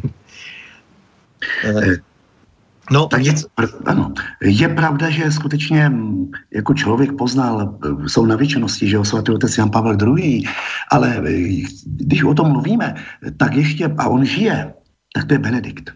Mhm. Benedikt. Mm-hmm. Benedikt. Aha. Benedikt, Mozart teologie, jo, a jako neberu to ani napravo, ani nalevo, jo, skutečně e, když tenkrát nastupoval, tak eh, tehdy byla taky velikánská kritika, že? Když tehdy vedl vlastně tu kongregaci pro nauku víry, tak říkal pan se kardinál, a ten člověk jasně odpovídal. A tenkrát ještě to bylo za života Jana Pavla II., kdy vlastně se tak hrozilo, že by byl nějaký synkretismus nebo nějaký takový ty nepříjemné věci by se dostávaly, tak on tenkrát napsal eh, tehdy to krásné dílo Dominus Jezus, kde přímo jasně ty věci pojmenoval. A tohle je zapotřebí. Takže pro mě Benedikt. Když se nebudu ptát teď na tu velkou politiku, Evropskou unii a tak dále, jaký má pro tebe význam eh, vlastenectví? No obrovský. Já jsem Čechoslovák. Já si to nesmírně vážím, že jsem v této zemi. Čili vážím si všech těch kořenů, na kterých jako člověk, ze kterých vyrůstal. Ehm, naše země je tak bohatá na český nebe, to nemá žádný stát. Já jsem počítal, máme 13 svědců. Jo? Čili opravdu hrdě se hlásím k této zemi a pokud, když jsem v cizině, tak jako sám říkám, že jsem Čechoslovák, protože pro to Česko nic neznamená, že já jsem, hlásím se i k té naši, našem mluvu, hlásím se, hlásím se k svatou Václavovi, hlásím se k naší vlajce. Takže pro mě já potřebuju být doma. Tady doma jsem. A chtěl bych, aby skutečně to všude rezonovalo. Byl jsem nadšený, když jsem v loni, když se slavilo stole naší republiky, Teď jsem projížděl národní třídou, všude jsem viděl ty naše vlajky, že tak já jsem se radoval, říkám konečně, jsem prostě Čech, Čechoslovák v této zemi. Moc. Mm-hmm. No, e, mně jde o to prostě, že, že, že ten útok dnes všech možných sil, které e, zase, e, jak se chtějí koncentrovat moc, tak je soustředěn například proti vlastenectví. Eh, to je špatný. Protože v okamžiku, kdyby se to vlastenecí popřelo, že jo, pak člověk prostě nemá uh, kde stát, jo, prostě neví, či je. Jo. Čili já jsem proto, abychom, a to není žádný šovinismus, jo, že skutečně vycházet z toho, poznávat tu svoji vlast, poznávat to svý místo, být na to hrdý, jo, to je, eh, a pokud někdo jako na to tak nějak tlačí, nebo to bere nějak univerzálně, tak tohle to neberu. Nebojím se. Jsem ano Evropa, ale na prvním místě jsem prostě Čechoslovák. Máš pocit, že tady musíme studovat uh, ten náš gender, jako ty gender studies, prostě, že to je prostě ten, přesně ten obor, který potřebuje každá vysoká škola, jo, že tady musí vznikat odborníci, pomalu profesoři, uh, kteří budou se specializovat na to, jaké máme mít unisex záchodky a takové věci, že to je něco, co je pro tu společnost teď mimořádně důležité? Absolutně ne. To jsou prostě umělý problémy a zběžně si komplikujeme svůj život, protože přece muž je muž, žena je žena. To je prostě daný, že i řada různých vztahů a tak dále, jako to je skutečně, já někdy žasnu nad tím, kdo se všechno za těmito názory toho genderu prostě skrývá, co vlastně oni proklamujou, někdy žasnu nad tím, že vůbec tomu můžou věřit, absolutně, absolutně je to pro mě nepřijatelný. A je to jenom otázka toho, že tomu věří, nebo e, že je to nějaké přihlášení se k tomu, abych měl určité společenské nivo? Já mám strach, že je to otázka pragmatismu. A možná, že se to tak nějak jako nese, ale já těm lidem nevěřím. No, protože eh, to přece, eh, takhle to bylo i právě za toho starého Říma, když se začalo takhle experimentovat, tak to bylo v podstatě tak, že bys nemohl jako vlastně do té vyšší společnosti, kdybys nebyl eh, nějak deviovaný. Tak v té společnosti já nechci být. To říkám upřímně, jo. A prostě neznamená to, že bych těmi lidmi, kteří mají tyto názory, já žádným člověkem nepohrdám, když jsem člověk, věřící, katolík, kněz, že ke všem mám úctu, ale prostě není možné určitý věci nazývat jinou barvou, než jsou. Že vrána je černá, není nikdy bílá, že a řada jiných věcí.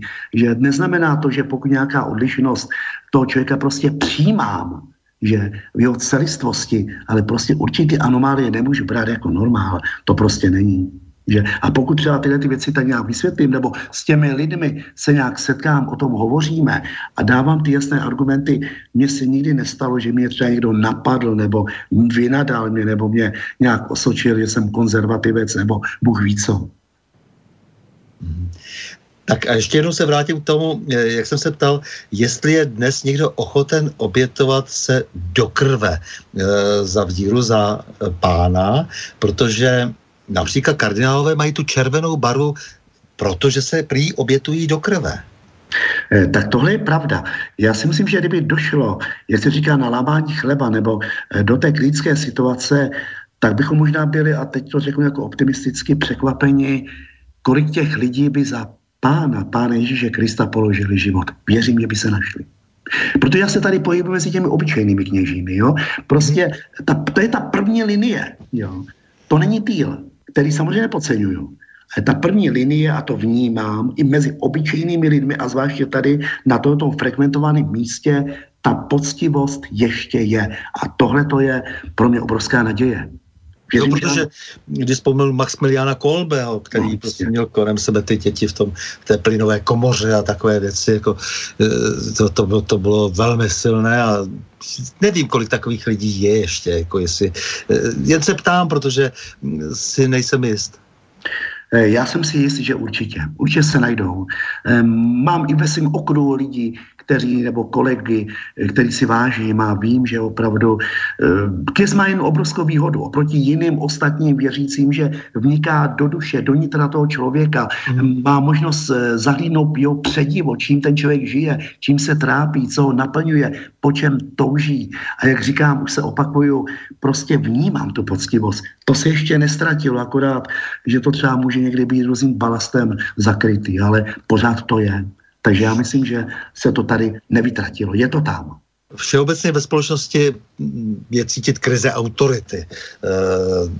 V církvi se za autoritu samozřejmě a spojuje se vždycky jako samozřejmě i s morální autoritou, eh, považuje eh, ten příslušný hierarcha, eh, tak jak je to vlastně třeba s krizí biskupského úřadu, tak kdybych to jako sformuloval bych... práv, no, právnicky, tak jako vlastně vždycky s tím byl problém, už když se eh, kanonické eh, právo poprvé mm, nějak výrazně eh, novelizovalo, tak se pořád říkalo, to je to, co je třeba řešit, ale nikdo neví jak. Eh, já si myslím jako jednu věc tady v tomhle tom, že pokud jako nejsem ovce, že jo, prostě abych měl jenom klapky na očích a e, nějak nad tím nemyslel, ale e, zkrátka, e, pokud je, po, pokud poslouchám, tak neudělám chybu, jo, když to řeknu velice jednoduše. Otázka krize autority, pochopitelně, že krize je. Každý vztah musí mít tři stupně je to obdiv, úcta, oddanost. Jo? A to každý z nás potřebuje mít nějakého toho vůdce, ke kterému já zlížíme, ke, ke kterému člověk prostě ví, že se může obrátit a ono prostě podrží. Pokud tohle to není, tak samozřejmě je to teda malér, ale e, neznamená to, abych tomu člověku prostě tu úctu neměl. Že je mi to třeba líto, ale to není otázka jenom eh, církve, ale to je otázka světská. Já třeba žádné, eh, žádné prostě autority neurážím. Třeba se mi prostě nelíbí. Nebo řeknou to či ono, ale zkrátka prostě ta úcta musí být k té autoritě, k tomu postu, který zastává, protože nevím, jak bych se zachoval na tom postě já. Že? Je pravda, že krize autority je, ona konce, konec konců vždycky nějaká byla. Církev je vlastně kriteriální osobou. V tom je její vlastně síla i e, i průšvih, protože jako všichni od ní očekávají strašně moc. E, všichni od církve očekávají, že když něco řekne, očekávali v minulosti, takže samozřejmě to sedí, protože se zatím může stát z mnoha důvodů, zejména personálních a samozřejmě postavených teda na věrouce. Eh, jak to vnímáš? Je vlastně, to, je vlastně vnímána stále ještě jako kriteriální osoba, že když řekne něco církev, tak eh, ti eh, lidé řeknou ano, tak to je teda, to jsme nečekali, takže dobře, tak asi na tom něco bude. takhle, to, to by bylo ideální. To by bylo velmi ideální, ale oni nás neberou. Jo. Ale pokud je člověk, je to věc spíš jak individuální, že pokud člověk je kritický, tak prostě pozná, protože eh, když se podívám vůbec do těch dějin, nebylo století, kdyby církev nebyla ponásledovaná. Jo. Vždycky v okamžiku, kdy církev přitakala nějakému tomu panovníku nebo světské moci, že tak to všechno bylo v pořádku, ale bylo tam na úkor pravdy, že a pak stejně ta církev na to doplácela. Že? Ale ve chvíli, kdy prostě ukázá ten jasný směr, a to jsme třeba viděli konec konců u Pia 12. třeba vnikajícího papeže, jo, který stále čeká na obrovskou rehabilitaci, jo, který dokázal ty věci prostě pojmenovat, že? A sklidil teda obrovský pomluvy a tak dále, že? Tak člověk kriticky najednou prostě přizná ano, když tam konkretizuju konkrétně u něho, že opravdu je to pravda. Takže ve chvíli, kdy mi nás společnost a svět plácal po ramenou, měl bych strach. Jo. Ale církev nesmí v tomhle tom ujet. Že? A nebát se říci. I za cenu třeba i pro následování, to je můj názor. A za ty 2000 roků, ať tam byly různé ty problémy, těžkosti, tak opravdu ta církev neujela. Věroučně neujela. Jak nás náš eh, Čechy vnímáš eh, v tom kolotoči národů evropském e, jsme slované po jazyku, samozřejmě se šel jak smícháni, všechno možné dohromady, ale nicméně jazyk, e, do určité míry kultura, e, byť velmi samozřejmě křížená prostě různými německými vlivy a dokonce jižními vlivy, na které jsme zapomněli a tak. Jak nás vnímáš v, třeba v kontextu toho slovanského světa? Eh, tak rozhodně Čechy, že jo, Česko, to je srdce Evropy, jo. A v tom slovanském slova si vždycky k tomu budeme mít blízko. Víc než západu, co si budeme vykládat. Byť ten západ nás velmi jako ovlivnil, ale právě ta slovanská mentalita pořád zůstává. To se nedá odepsat. Ale co nám Čechům chybí, tak taková ta krásná hrdost. Já si dovolím malý přirovnání. Já 21 let jezdívám do Chorvatska, kde mám přátelé, že taky jako chorvatsky mluvím a právě tam vnímám ten národ. Ten Počkej, moment, moment. Umíš chorvatsky? Dá, nemá problém, můžem. A teď, jenom, jenom děkuju, to je hezký. Jako, no, dobře, já jsem nevěděl, to jsi mi nikdy neřekl. já právě, že to tam, já tam je jezdím 21, mám tam spoustu přátel. Já si Chorvatu nesmírně vážím, to je národ, který má 4,5 milionu, že? 3 mhm. miliony mají venku, že? Ale oni mají úžasnou, jak říkají, ponosnost, hrdost. Všude prostě jsou eh, jejich zástavy, jejich vlajky a tak dále. Oni jsou na to hrdí. Tohle to nám chybí a je to potom škoda, protože máme obrovské bohatství obrovský bohatství, nemyslím to hmotný, ale to duchovní. Takže jako myslím si, že vždycky jako budeme mít vztah k tomu, k tomu východu, vždycky. Já, chci, já totiž mám na mysli to, že zdá se, že ten anglosaský svět, který, jak vždycky to tak bývá, že nějaká, eh, nějaká, nějaký druh eh, civilizace, nebo tedy nějaký národ, nebo nějaké impérium eh, chvilku tahá za ten delší konec provazu, tak se ptám, protože se zdá, že ten anglosaský svět začíná mít velmi výrazné problémy a teď to můžeme rozebírat ze všech stran geopolitických i, vlastně takových těch velmi praktických současnostních tak se ptám na to, eh, jestli vidíš nějakou perspektivu v komunikaci se slovanskými národy, protože taky jsme byli vždycky jako hodně rozhádaní a tak a eh, způsobili jsme si spoustu věcí navzájem. Když ten germánský svět do určité míry zažívá svou krizi zatím nikoliv tak materiální, jako bych řekl, že spíš morální, nakolik tady těch 400 milionů lidí, kteří mluví příbuznými slovanskými jazyky, je schopno komunikovat? Já myslím, že jako komunikovat jsme schopni. Já bych řekl, že my jsme ve středu, jo? to znamená, něco bereme z východu, něco z západu. Ale bohužel tady jedna věc, tahle, ta, že pořád v nás zůstává ta zkušenost, ta nebyla zkušenost okupace. Jo? A najednou člověk, eh, to, co třeba bylo v tom 19. století, ten panslovanismus, jo, Čelakovský a tak dále, že tak nejednou vlastně v této věci prostě máme z toho strach, protože abychom nedopadli tak, jak to bylo potom v roce 68, že jo. Tohle to je prostě určitý eh, v nás takový stigma, který nás prostě jako provází, že jo, ale pravda tahle ta, že vždycky prostě Slovan všude bratra má a myslím si, že v této věci eh, máme máme blízko, ale nesmíme ztratit, jak říkám, to své. Jo, abychom zkrátka neujeli totálně na východ a zase obráceně na západ. Jo. Prostě jsme ve středu, jsme sví.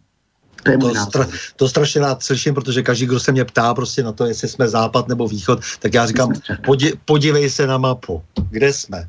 Ve střední Evropě. No tak my nepřesuneme přece tu zemi. My ji neodvezeme na trakaři. Přesně tak, a taky se člověk podíval těch dějin, kdy vlastně český král patřil mezi kurfisty, kteří skutečně volili císaře, že Když to opravdu, to jsou velikánské věci, veliká hodnota. Český král něco znamenal, že to je, to je jasné. A Praha, matka je srdce Evropy, to všechno, nejkrásnější město, že jo, takhle. Takže máme být na co hrdě. Já říkám, my jsme lidé středu. Přijímám z východu i ze západu, ale jsme sví. To je můj názor.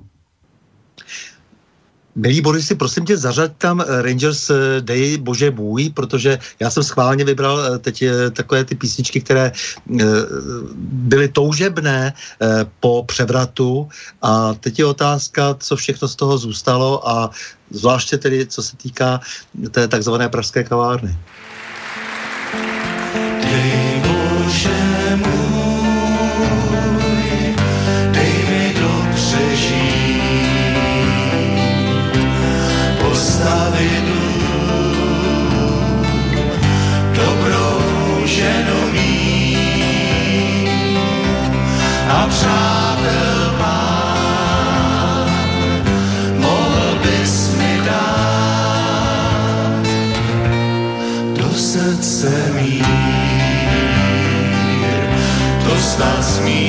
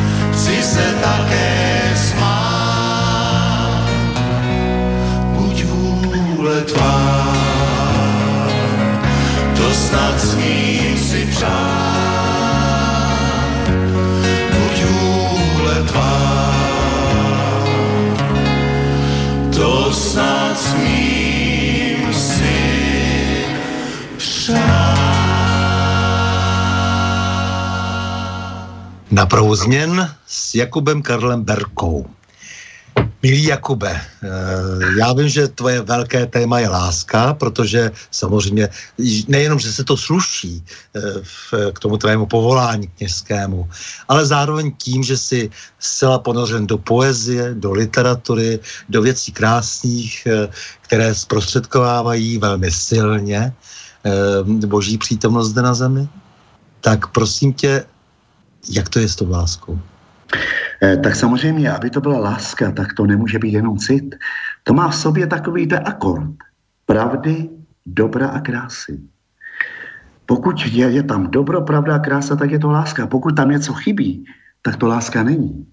Pak je to, pokud je to dobrý, pravdivý, není to krásný, no tak to je soucit. A z toho se dlouho nedá žít. Pokud je to dobrý, krásný, není to pravda, tak to je iluze, to je sen, jo? to taky prostě nejde. A teď pozor, pokud je to krásný, je to pravdivý a není to dobrý, tak to je potom hřích. Já vím, že možná to na první pohled zní jednoduše, ale já jsem skutečně hodně nad tím přemýšlel a opravdu tohle to nějak do toho zapadá, že má to být láska, není to cit, ten vyprchá, zamilovanost zmizí, ale pokud je ten vztah pravdivý, dobrý a krásný, pak je to lásky plný. Takhle to vnímám.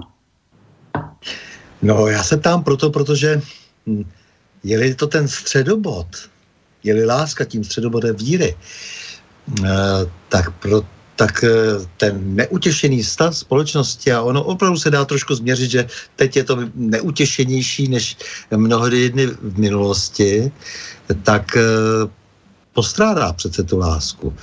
Tady se řídí, šíří třeba satanismus a nikomu to nevadí. Ano, to je pravda, protože, jak říkám, jak mi tam chybí někdo z těch atributů, tak to víme, jak to prostě jako dopadá. A pokud vidím, že se tady šíří nějaké negativní síly a já k tomu mlčím, no tak vlastně mm, to schvaluju. Jo. Není mi to jedno, ta doba je velmi, velmi jako složitá, že jo, a co, jako co s tím. Samozřejmě dá se, každý na tom svém místě, co můžu ovlivnit, nechť ovlivním. No, protože eh, třeba takový odilo štampách se přihlásil co by poradce satanistů. To je mi to.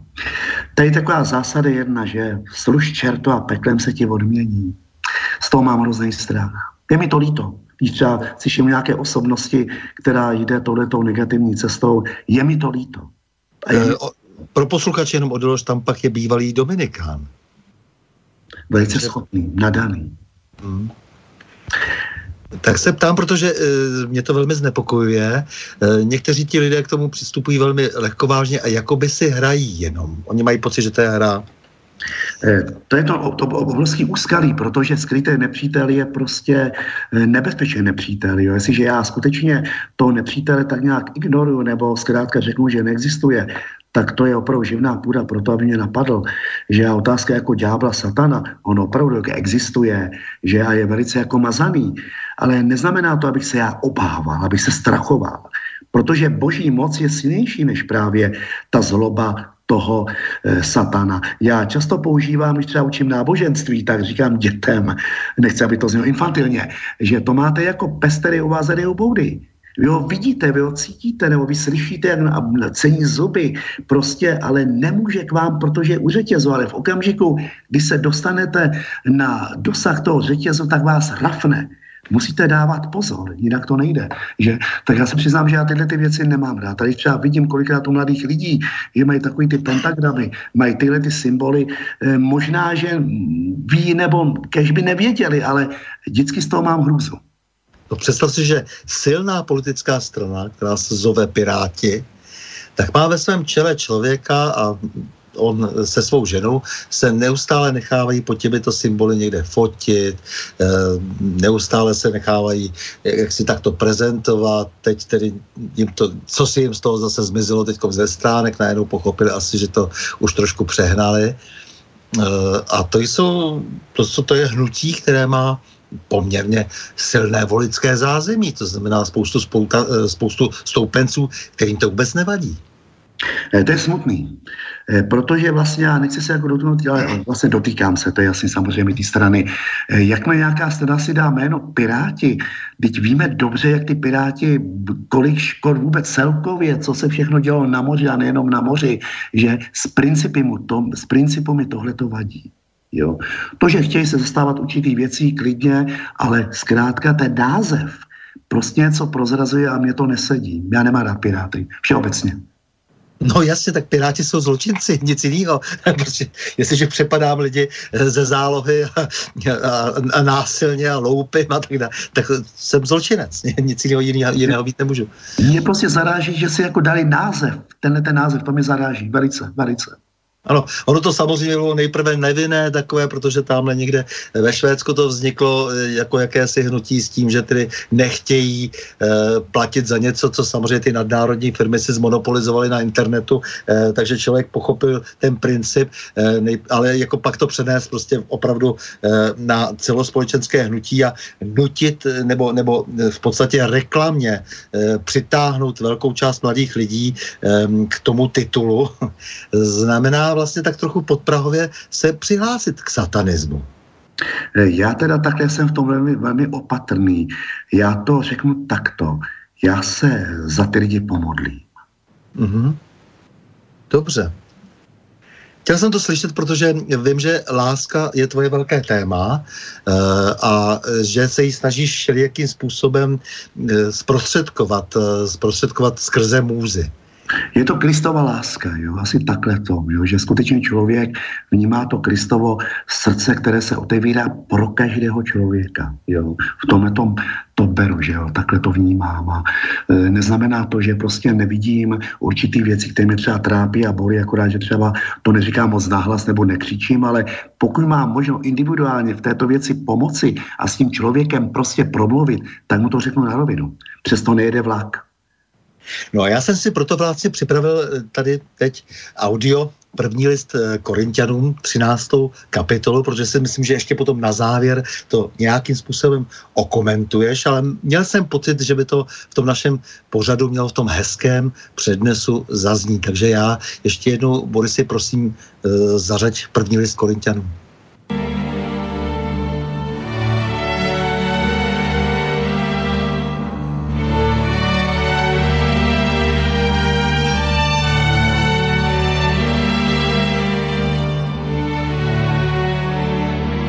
Ukážu vám ještě mnohem vzácnější cestu.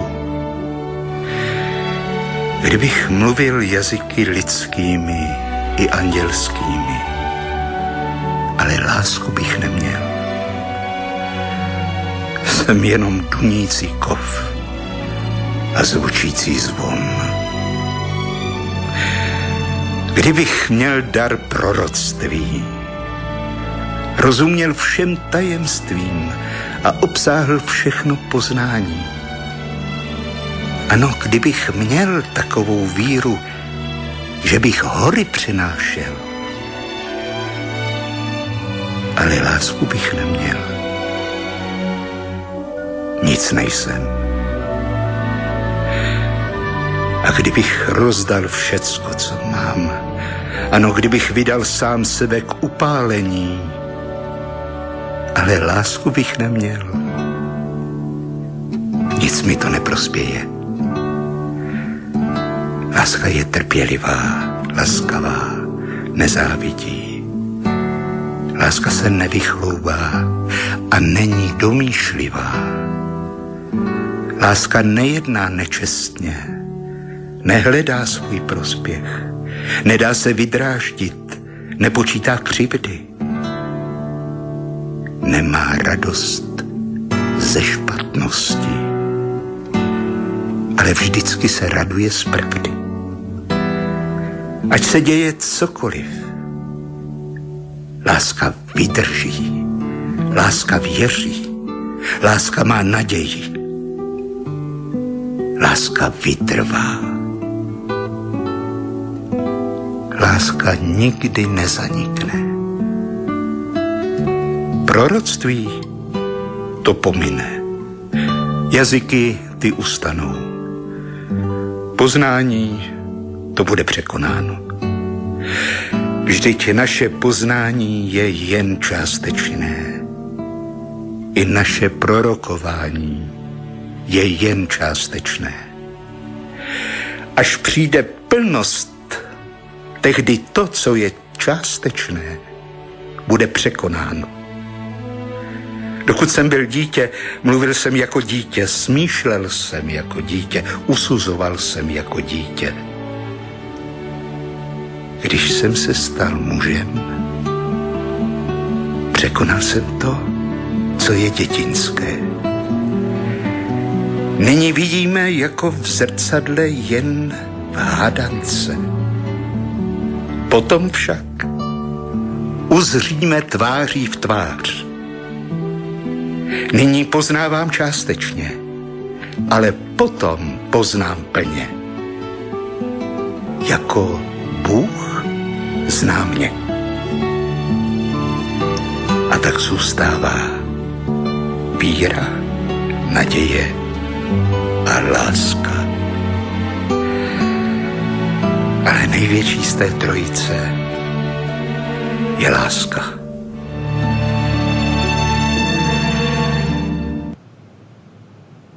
Tak. Tak, milý Jakube, teď je to na tobě. Tak tohle to je boží slovo. A mě v tom okamžiku napadá krásná věta od našeho spasitele, Pána Ježíše Krista. Nikdo nemá větší lásky než ten, kdo za své přátele položí svůj život. Vy jste moji přátelé. Hm. Tak jednoduché a tak těžké. Přesně tak. A je to úžasný úkol a taky zároveň velká perspektiva. A jsem za to vděčný. Ten text je tak těžko splnitelný pro nás. To je Snažíme se. Těžké. Je, ale má to hodnotu. Pokulháváme, ale jsem rád, že na to nejsme sami. A já si to moc vážím, že nejsem sám. Já vždycky říkám, že nejsme schopni eh, dostat evangeliu, ale na druhou stranu je tady nějaká jiná, vyšší meta? Není. Protože to evangelium to je život. A čím více člověk to evangelium naplní, tím naplno žije. A já to často říkám, čím více jsem věřící, tím musím být lepším člověkem.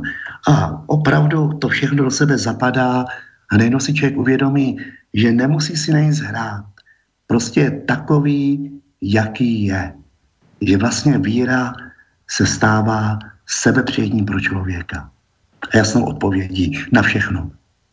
Hmm, je to nesmírně těžký.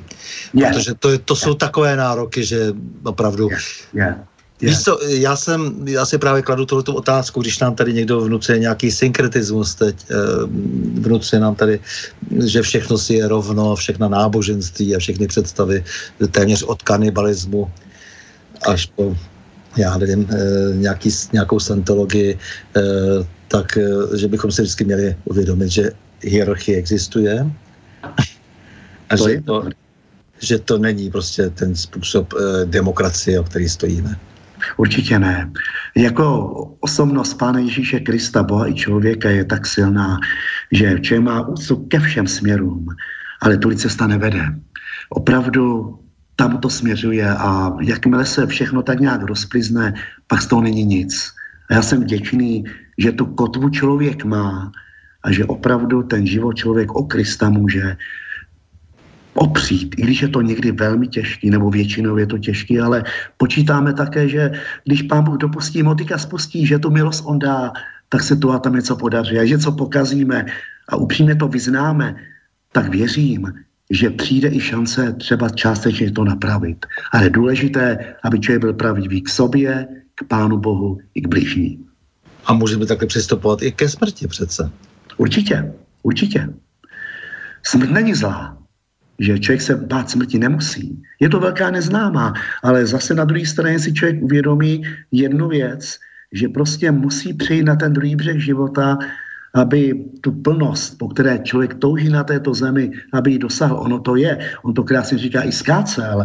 Stále jsou naše mrtví s námi a vlastně jiný nejsme sami. A přichází jako stíny, ve vlasech popel, kusy hlíny, tváře jako by vymazané a přece se jen poznáváme. Takže pořád to jako zůstává, že i ti, kteří už tady nejsou, jsou na věčnosti, jsme s nimi propojeni, jednou se setkáme. Já v to věřím. Život je věčný. Eh, říkáš to často věřícím, protože eh, někdy ta panika eh, mezi těmi věřícími je značná. Takové to, že, že se všichni obávají opravdu píchnutí v koleni a tak dále. To je dobré asi, dobré asi trošku vylehčit.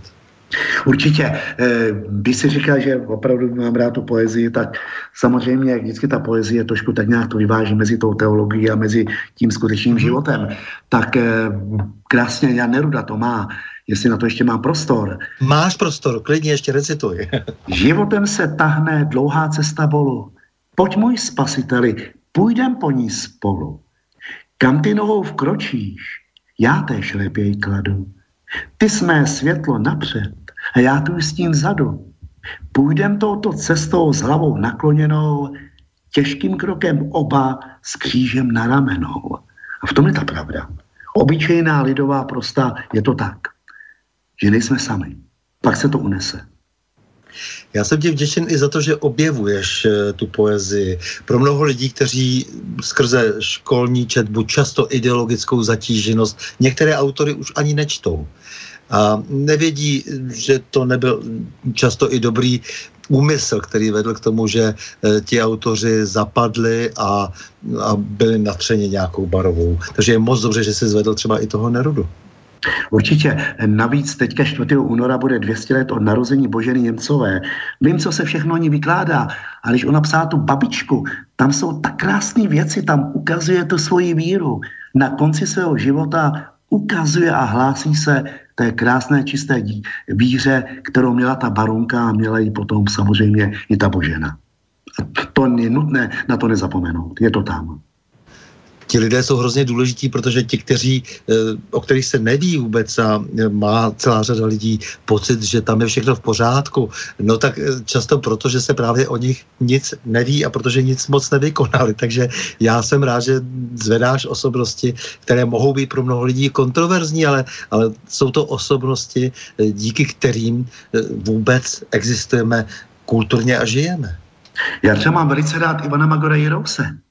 Eh, mám to jeho dílo v celku jako znám a to je skutečně, to je ze stoky až do nebe. On třeba tam říká, paměti mojí cedníkem propadá se slib za slibem.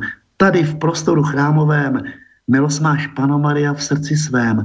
Odpust mi, prosím, odpust jen, že jsem takový, jaký jsem. A abych to už ještě zlehčil, tak říká, poprosím Patera Bonaventuru. On vyspovídá každou nestvůru. Poprosím Patera Bouše, svědomí mě kouše a má nejkratší básničku. Di, di ke spovědi. to je Magdor. Jasně, labutí písně a tak. Přesně tak, ano. Jasně.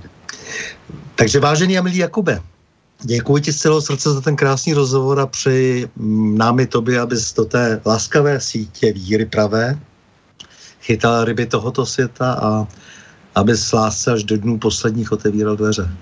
Stanislave, moc děkuji, děkuji za přátelství a moc zdravím posluchače Slobodného vysílače. Bylo mi ctí. Pěkný večer. S vámi, milí posluchači, se také loučím a to s přáním. Mějme se rádi, buďme svobodní, zpříjmení, nevěžme hlavu. Stojíme při svých bližních i národech. Nepřátel se nelekejme a na množství nehleďme.